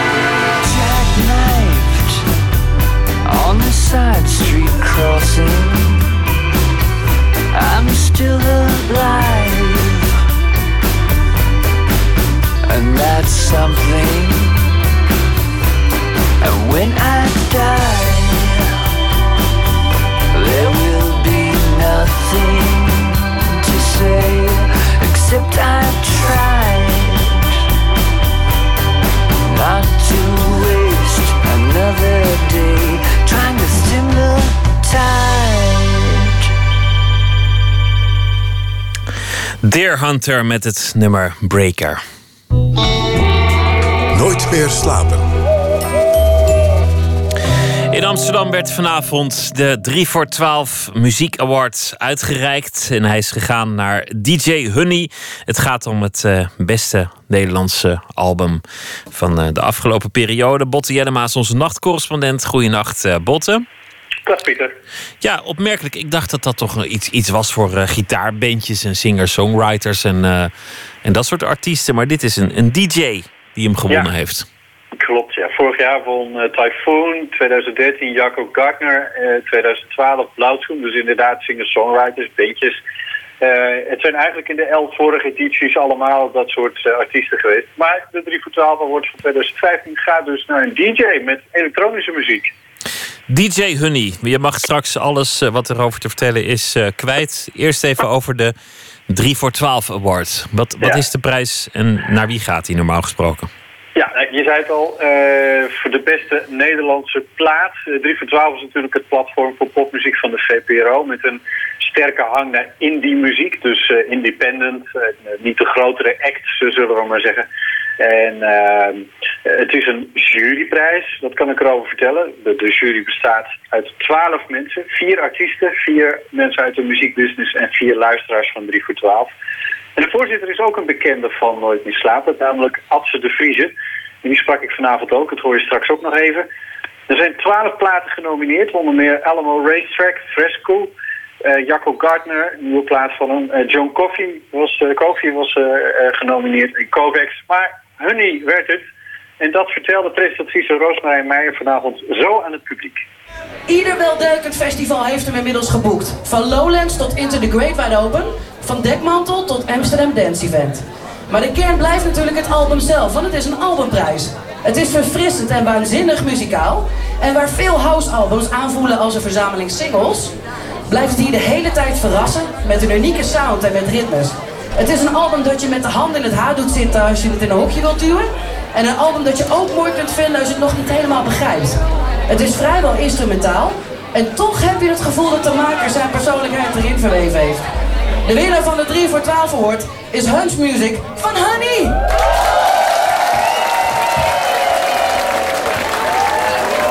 Nou, iedereen in de wolken, grote vrolijkheid. DJ Honey, ik moet zeggen dat ik het nog niet van hem gehoord had, maar eh, bij deze dan. Vertel eens. Honey, wie is het en wat doet hij? Ja, hij is eigenlijk, eh, en dat is ook opmerkelijk, eh, Duits. Dus ook om die reden is het bijzonder dat hij de 3 voor 12 Award heeft gekregen. Want het is toch de bedoeling dat een Nederlands album dat krijgt. Maar Honey is vorig jaar naar Amsterdam verhuisd.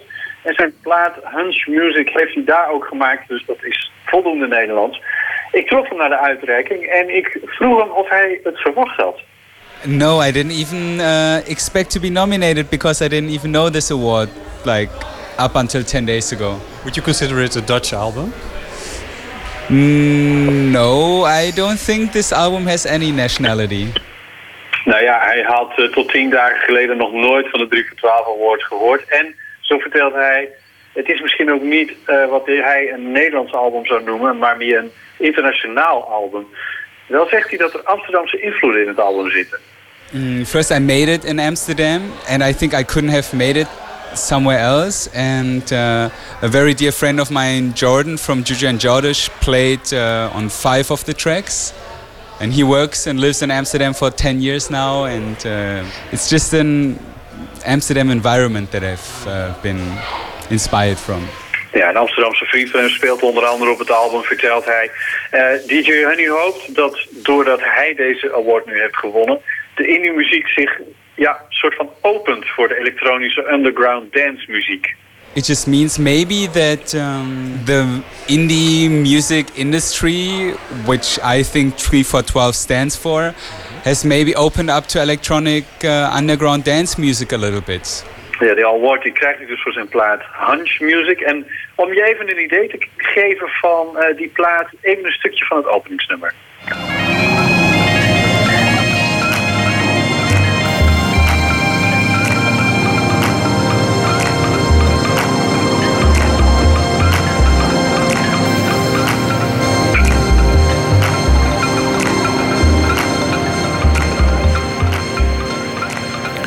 Ja, ik, eh, ik stel mijn oordeel even uit hoor. Want die 12 seconden om daar nou een hele plaats op te beoordelen, dat, eh, dat is wat erg vluchtig. Maar als ik eh Roos Marijn moet geloven, de presentator, is het moeilijk in een genre te herbergen.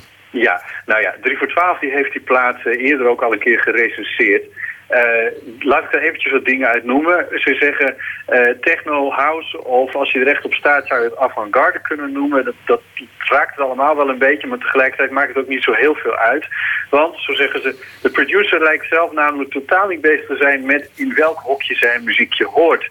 Gelukkig maar, eh, de inmiddels Amsterdamse wereldburger laat op zijn debuut horen dat zijn platenkast en kennis van muziek net zo groot is als de grenzeloze liefde voor de muziek. Nou, en dat werkt even bezwerend als aanstekelijk. Einde citaat. Nou, om twee redenen dus bijzonder. Honey is eigenlijk Duits en hij is DJ. Ik vroeg juryvoorzitter Adse de Vriezer hoe ze tot Honey zijn gekomen. Het is eigenlijk zo, wij op de 3 voor 12 redactie stemmen altijd eh, op de, voor de 12 genomineerden. En bij ons eindigde deze plaats van Honey op nummer 1. En dat is eigenlijk, ja, daarna hebben we eigenlijk pas de discussie gevoerd of die eigenlijk wel mee mocht doen. Iedereen had instinctief het gevoel dat dat zo was. Dus er gingen eigenlijk eh, handjes omhoog van eh, wat vinden jullie de beste plaat. En uiteindelijk kwam daar dus gewoon niet uit. Exact, ja. En, toen dat schrok je er zelf een beetje van. Daar schrokken we zelf een beetje van. En, maar als je dan de argumenten op gaat tellen... eh, inderdaad, de man woont en werkt in Amsterdam... drinkt uit op een Amsterdams label... heeft met mensen samengewerkt hier in Amsterdam. En ik denk, zeker ook de eh, elektronische muziek... is zo ongelooflijk internationaal gericht... dat je wat dat betreft gewoon eh, moet, dat naar je toe moet trekken. En dat hebben we gedaan. En het, tot mijn grote verbijstering, eh, moet ik zeggen... ging de jury daar ook voor. Want dat had ik absoluut niet verwacht. Nou, het is een beetje flauw om te zeggen, maar ik liep net even een beetje door de, door de gangen, door de toiletten hier. En toen werd er toch gezegd, ja, ja een DJ. eh, Fresco had hem eigenlijk moeten winnen. Ik denk dat heel veel mensen Fresco hadden verwacht. Ehm, ik had Fresco een hele goede winnaar gevonden... omdat het een, eh, een artiest is die echt iets neer heeft gezet... die eh, reuring maakt, die belangrijke issues aansnijdt. Tegelijkertijd... eh, ja, Honey is voor mij veel meer dan een DJ. Ik vind dat, ehm, dat het te makkelijk is om te zeggen dat hij dat is. Dat het, als je luistert naar deze plaat, hij is heel erg muzikaal. Hij is origineel. ehm, er zitten allerlei invloeden in. Het is een, plaat, maar ook een man die zich niet in hokjes laat stoppen. En die in de elektronische muziek echt eh, een, een, een kracht geworden is... waar je niet omheen kan eh, het afgelopen jaar in Nederland. Nou, Adse de Vrieze eh, zegt dat Honey op zoveel belangrijke festivals optreedt... dat je dus echt niet meer om hem heen kan. En zo zien we dus vanavond een handreiking van de indie-pop jongens en meisjes van 3 voor 12... naar de elektronische dansmuziek.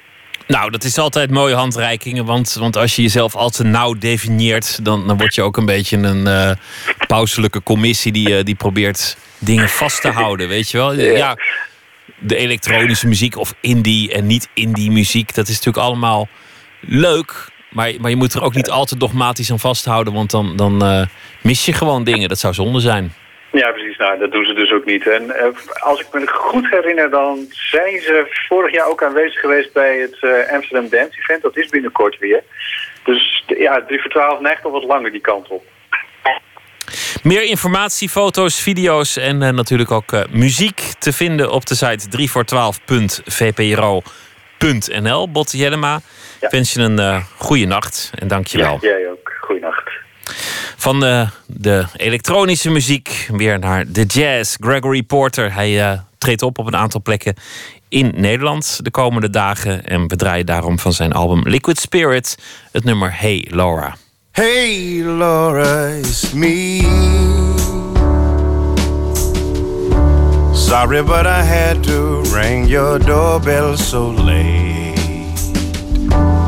But there's something bothering me. I really am sorry, but it just couldn't wait. Is there someone else instead of me? Go ahead and lie to me, and I will believe. You're not in love with him, and this fool can see that the rivers of your love flow uphill to me. Hey, Laura, it's me. Sorry, but I had to ring your doorbell so late. But there's something bothering me. Really am sorry, but it just couldn't wait. With a healthy dose of make believe. Won't you lie to me and make me believe that you're in love with me and this fool can see that the rivers of your love flow uphill to me. Hey,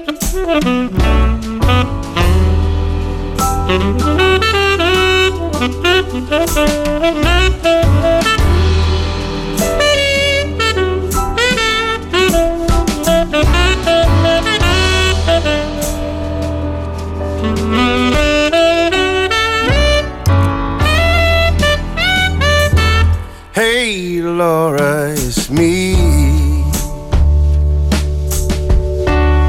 Sorry, but I had to ring your doorbell so late. But there's something bothering me. All night long, I just couldn't wait. With a healthy dose of make believe. Go ahead and lie to me and make me believe that you're in love with me, and oh, this fool can see that the rivers of your love flow uphill to me. Hey, Laura, it's me. Hey, Laura, it's me. Hey, Laura, it's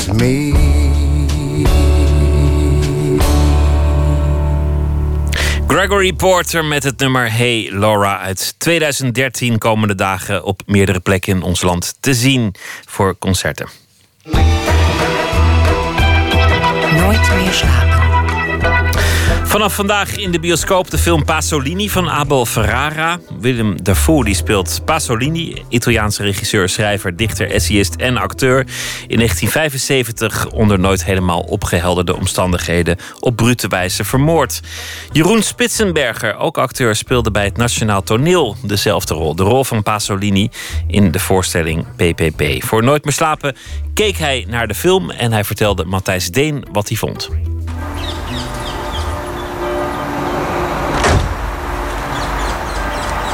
Is een gekke gewaarwording om zo'n film te zien. Want er zijn inderdaad heel veel momenten die je herkent.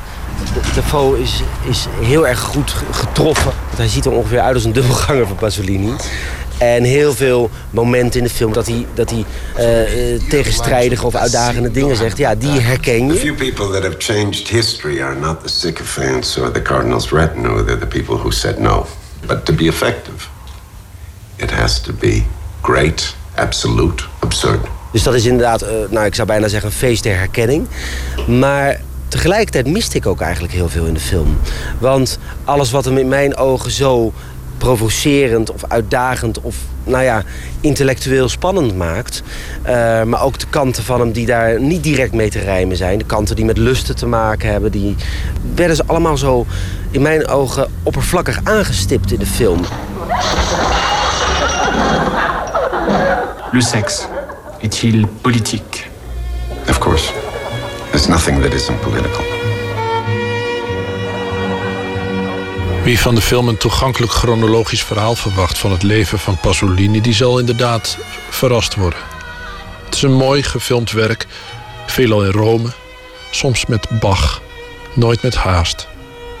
Soms zelfs in de stijl van Pasolini zelf. Een stijl die door een journalist in de film wordt vergeleken met een straal zonlicht door zwevend stof. Prachtig om te zien, maar niet altijd even toegankelijk. Narrative art, as you well know, is dead. De vertelkunst is dood, zoals we allemaal weten. Laat Ferrara Pasolini aan een vriend schrijven over een nieuw boek dat hij gemaakt heeft. Wat ik hier heb gemaakt is een parabel over de relatie van een kunstenaar met zijn werk. Het lijkt erop dat Ferrara dat met deze film ook heeft geprobeerd te doen. Het, het begin van de film is intrigerend omdat we Pasolini zien als filmmaker. Sterker nog, er wordt begonnen met een scène uh, uit 120 dagen van Salo. Hij zit naar een, eigenlijk naar een viewing van zijn eigen film te kijken. Waarschijnlijk in een montagekamer. Kortom, we zien hem druk aan het werk. Dus we zien iemand die bepaalde nogal heftige, uh, provocerende beelden heeft gemaakt. Zien we aan het werk. Nou, dan, dat is interessant. Dat is een goed begin. Want dan denk je, oké, nu wil ik in dat hoofd van die man kruipen. Wat bezielt hem? Nu gaan we naar dat beroemde interview. Voor mij betekent dat veel. Maar goed, voor, voor een, voor een doorsnee kijker wellicht niet. Waarin hij op bepaalde... Nou, nogal bouwde vragen ook ja, even zo bouwde antwoorden geeft. Ce sont des acteurs masochistes If I chose them, I would say they are. Uh, dat is prikkelend, dat is intrigerend. Je denkt ook, wat voor man steekt hier achter? Maar eigenlijk vind ik de film heeft niet meer dat niveau... van die eerste vijf, zes minuten van intrigerendheid kunnen halen. Daarna zakt hij af naar ja, iets wat wat een beetje tussen anekdotes inhangt. Tussen een soort sfeerportret ook vooral. Mooi getroffen. Het Italië van toen. Ja, allemaal heel mooi in beeld gebracht. Letterlijk het camerawerk, production design, aankleding. Mooi, stijlvol. Maar ik wil dan... Ik verwacht dan meer. Misschien is dat een hele conventionele opvatting. Prima.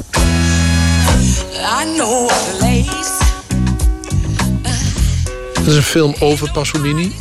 Misschien vooral voor kenners van Pasolini. Die gaat over zijn laatste dagen. Inclusief de scène op het strand dat hij vermoord wordt. En er is geen complot, geen maffia. Alleen maar verlangen, treurnis en eenzaamheid. En verder zit er in de film eigenlijk ook een soort slotsom vormgegeven in een raamvertelling die een uitwerking lijkt van een nooit verfilmd script van de meester zelf. Over een dwalende ziel die voor de zoveelste keer achter een ideaal is aangelopen, zijn vergissing inziet en moet toegeven dat hij zichzelf weliswaar voor de gek heeft gehouden, maar dat die vergissing hem wel heeft geholpen het leven te leren kennen. Jeroen Spitsenberger hoopte natuurlijk heel erg met deze film in het spel van Willem Dafoe zijn personage zo niet te herkennen, dan hem toch beter te leren begrijpen. Ik, kijk, ik, ik, ik, vind, ik vind, laten we zeggen, liefdevol of melancholisch door een plakboek bladeren. Dat vind ik wat anders dan dat je echt met, met, de middelen die film tot zijn beschikking heeft. En zeker als je zo'n fantastische acteur als Defoe tot je beschikking hebt. Dan wil je iets van dramatische scènes die die, die via hun impact mij tonen wat het betekende om Pasolini te zijn in die tijd. Wat het betekende om polemieken te schrijven en om uh, eerst omarmd te worden door, laten we zeggen, de linkse groegemeente en vervolgens weer uitgekotst te worden door diezelfde linkse groegemeente en weer omarmd te worden vanuit een andere hoek. En wilde hij dat? Of was het een vrijdenker die zich gewoon zo, laten we zeggen, intellectueel gezien en polemisch gezien zo vrij mogelijk wilde bewegen? Dat is interessant en dat is spannend om, om, dat, om die worsteling te zien. U, überhaupt het woord worsteling komt in mij op als ik aan Pasolini denk. Aan een, aan een, uh, een laten we zeggen... Uh, aan een man met, met ook innerlijke conflicten... die daar volgens mij gestalte aan gaf... door de kunst die hij maakte, door, door, de, door de politieke pamfletten die hij schreef. Ik bedoel, we hebben het te maken met een boze brievenschrijver ook. Ik, ik, zeg het nu even heel kort door de bocht. Maar zo iemand was het ook. Die huisvestte ook uh, die werd ook in hem gehuisvest, die persona. We hadden te maken met een poëet. We hadden te maken met iemand... Nou ja, de, ik merk nu ook weer... De, de, herinneringen aan zes jaar geleden aan die repetities komen omhoog. Ik vond het echt moeilijk om niet gegrepen te worden... door zijn, laten we zeggen, de, de, de veelzijdigheid van zijn, van zijn persoonlijkheid. Hij... Maar, maar dat, als je dat in één persoon moet, uh, moet laten samenkomen... dan ja. blijven er raadsels open. Er blijven sowieso raadsels open. En daar moet je, daar moet je ook mee leren leven. Volgens mij moet je als acteur of, of überhaupt als kunstenaar nooit de illusie hebben dat jij wel eens even degene zal zijn die à la uh, Hercule Poirot het op gaat lossen en, en alle draadjes bij elkaar brengt. Nee, je moet ook iets van dat mysterie. Uh, koesteren, respecteren. Of in ieder geval accepteren dat je het nooit helemaal rond krijgt, je verhaal. Dat hoeft ook niet.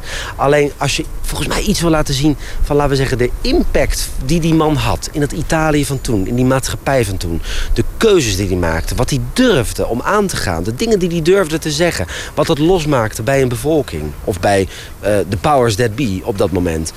Jongen, daar valt, daar valt gewoon veel meer van te maken. Je kan een veel spannender, weerbarstiger en, en, en eh, laten we zeggen, eh, dramatischer script volgens mij maken. En ik vond dit allemaal zo elegant, gemoedelijk, meanderend, van indruk naar indruk, van moment naar moment. Ik, ik snap gewoon eerlijk gezegd de keuzes niet zo van de filmmaker om het zo aan te pakken. Testimony of the little knowledge that one has accumulated. And it is completely different from what one expected or imagined. Ferrara heeft gekozen voor de laatste paar dagen van Pasolini. In jouw herinnering, wat was er van de man over die laatste dagen? Hoe was hij eraan toe? Volgens mij had hij mentaal en misschien ook wel fysiek af en toe... want daar, hij begaf zich natuurlijk in die, in die, onderwereld... waar die, waar die jongetjes op pikten voor seksuele diensten. Nou, laten we zeggen, hij heeft wel zijn averij opgelopen in die omstandigheden. Dus volgens mij had hij zowel mentaal, zeker mentaal... als ook fysiek wel wat klappen opgelopen. En er lag natuurlijk heel veel druk op hem, ook maatschappelijk. Eh, door de dingen die hij schreef en de dingen die hij, die die, eh, laten we zeggen, beweerde. Ehm, maar mijn indruk is wel, als ik terugdenk aan, aan toen... toen ik daar zo vooral toen, zes jaar geleden, middenin zat... is dat hij onverminderd productief was. Dus in die zin snap ik ook het laatste shot van de film wel... dat Ferrara, de filmmaker, zijn, zijn nog volle agenda wil tonen. Ook als een soort, ja... eh, eh, treurig eerbetoon aan de man die nog zoveel meer had kunnen doen... en nog zoveel meer wilde vertellen. Het zou inderdaad heel interessant zijn. Wat zou die, ja god, in alle jaren daarna... of zelfs anno nu, nou goed, hoe oud zou die man zijn geweest... wat zou hij nu nog over bijvoorbeeld het Italië anno nu te, te melden hebben? Die beschadigde, maar nog steeds gedreven, eh, productieve man. Herkende je die in de film? Dat, dat wordt wel aangeraakt. Alleen volgens mij is het zo... Met elk verhaal dat je vertelt, of elke rol die je speelt... Je, je kan die vermoeidheid denk ik alleen maar tonen... als je de tegenkant er ook van laat zien. Want dan krijgen volgens mij die dingen relief. Dan snap je ook wat hem bijvoorbeeld geestelijk heeft opgebroken op een gegeven moment. Dan snap je waarom iemand vermoeid is, waarom iemand twijfelt. Moet ik nou weer de aangewezen persoon zijn om die of die eh, onwelgevallige mening te uiten? Moet ik dat nou echt doen? En dan ben je het aan je, of aan je stand verplicht, of het is gewoon een vuur in jou dat simpelweg niet te doven valt. Maar die dingen krijgen pas echt zijn impact, volgens mij. Zijn, ja, zijn relief. Als je dus ook, nou relief, het andere laat zien. Dat geeft diepte, dat geeft kleurverschillen. En nu wordt hij eigenlijk steeds op een bepaalde, tamelijk contemplatieve, overdenkende manier getoond.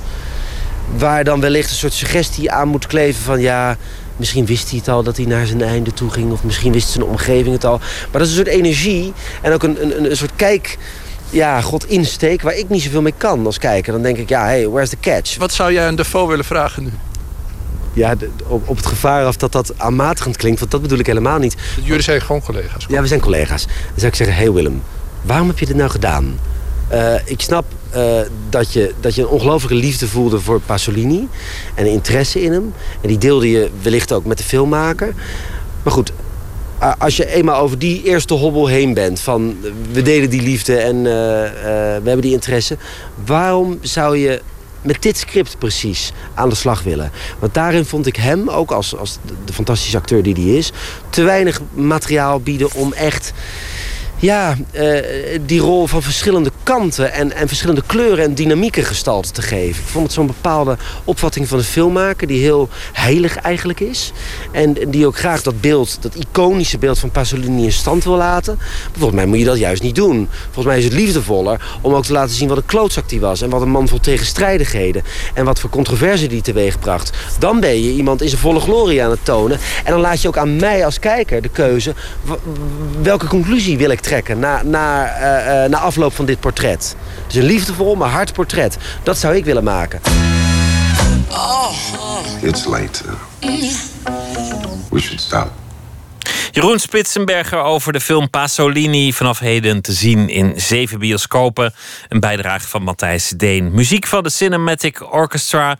Het album Ma Fleur uit 2007. Daarvan het nummer To Beeld a Home. Met op gastvokalen de Canadese zanger Patrick Watson.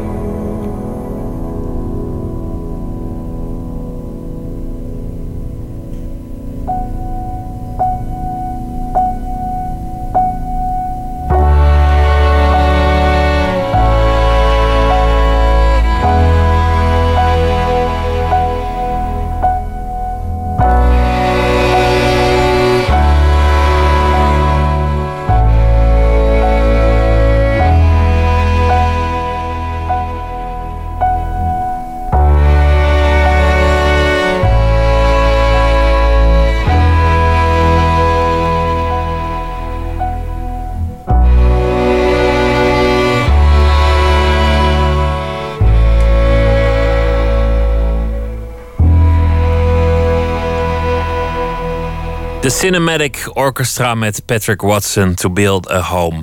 Arjen Duiker is dichter. Hij zal deze week elke nacht een gedicht uitkiezen. Een van zijn favorieten en ook voordragen. Vannacht is dat een eh, gedicht van Jacob Groot met de titel Gedempte kamers, koolrode modder.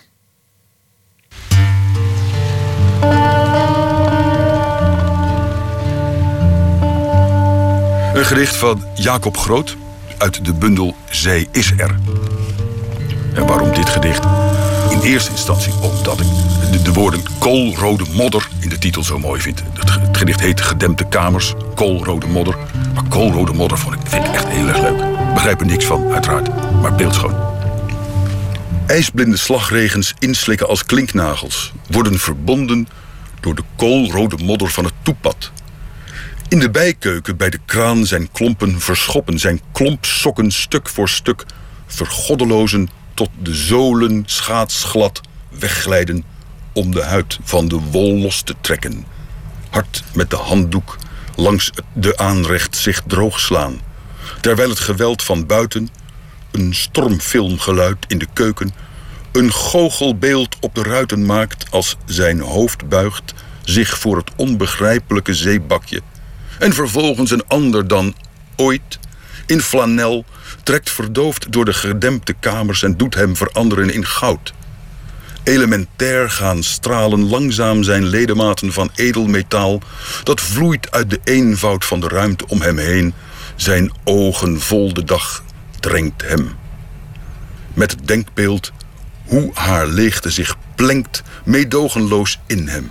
Hij offert zich echter, appelontdaan gevallen van zijn tak met de blos die naar zijn wangen stijgt tot de gelofte.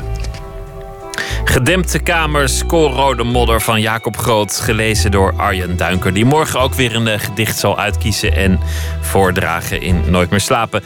Dan komt uh, Charlotte Dumas op bezoek. Zij is fotografe, werkzaam in Amsterdam en New York. Wereldberoemd geworden vanwege haar dierenportretten. De reddingshonden van het WTC in New York bijvoorbeeld. En komende zaterdag opent in Tilburg een nieuwe tentoonstelling, Workhorse. En daarvoor heeft ze in Japan zeldzame paardenrassen gefotografeerd. Ook een gesprek met Serge van Vechel en actrice Hanna Hoekstra over de opera Marieken in de tuin der lusten. Over een meisje van zeven, dat, of, of een meisje dat zeven jaar met de duivel heeft moeten leven. Een middeleeuws verhaal. En ze vertellen allebei over dat verhaal en over hun ervaringen met het kwaad in onze tijd. Dat allemaal morgen nacht in Nooit meer slapen. Voor nu een hele goede nacht en morgen een goede dag. En ik hoop dat u morgen weer zult luisteren. En zometeen op NPO Radio 1 Top Radio van de VARA. Goeienacht.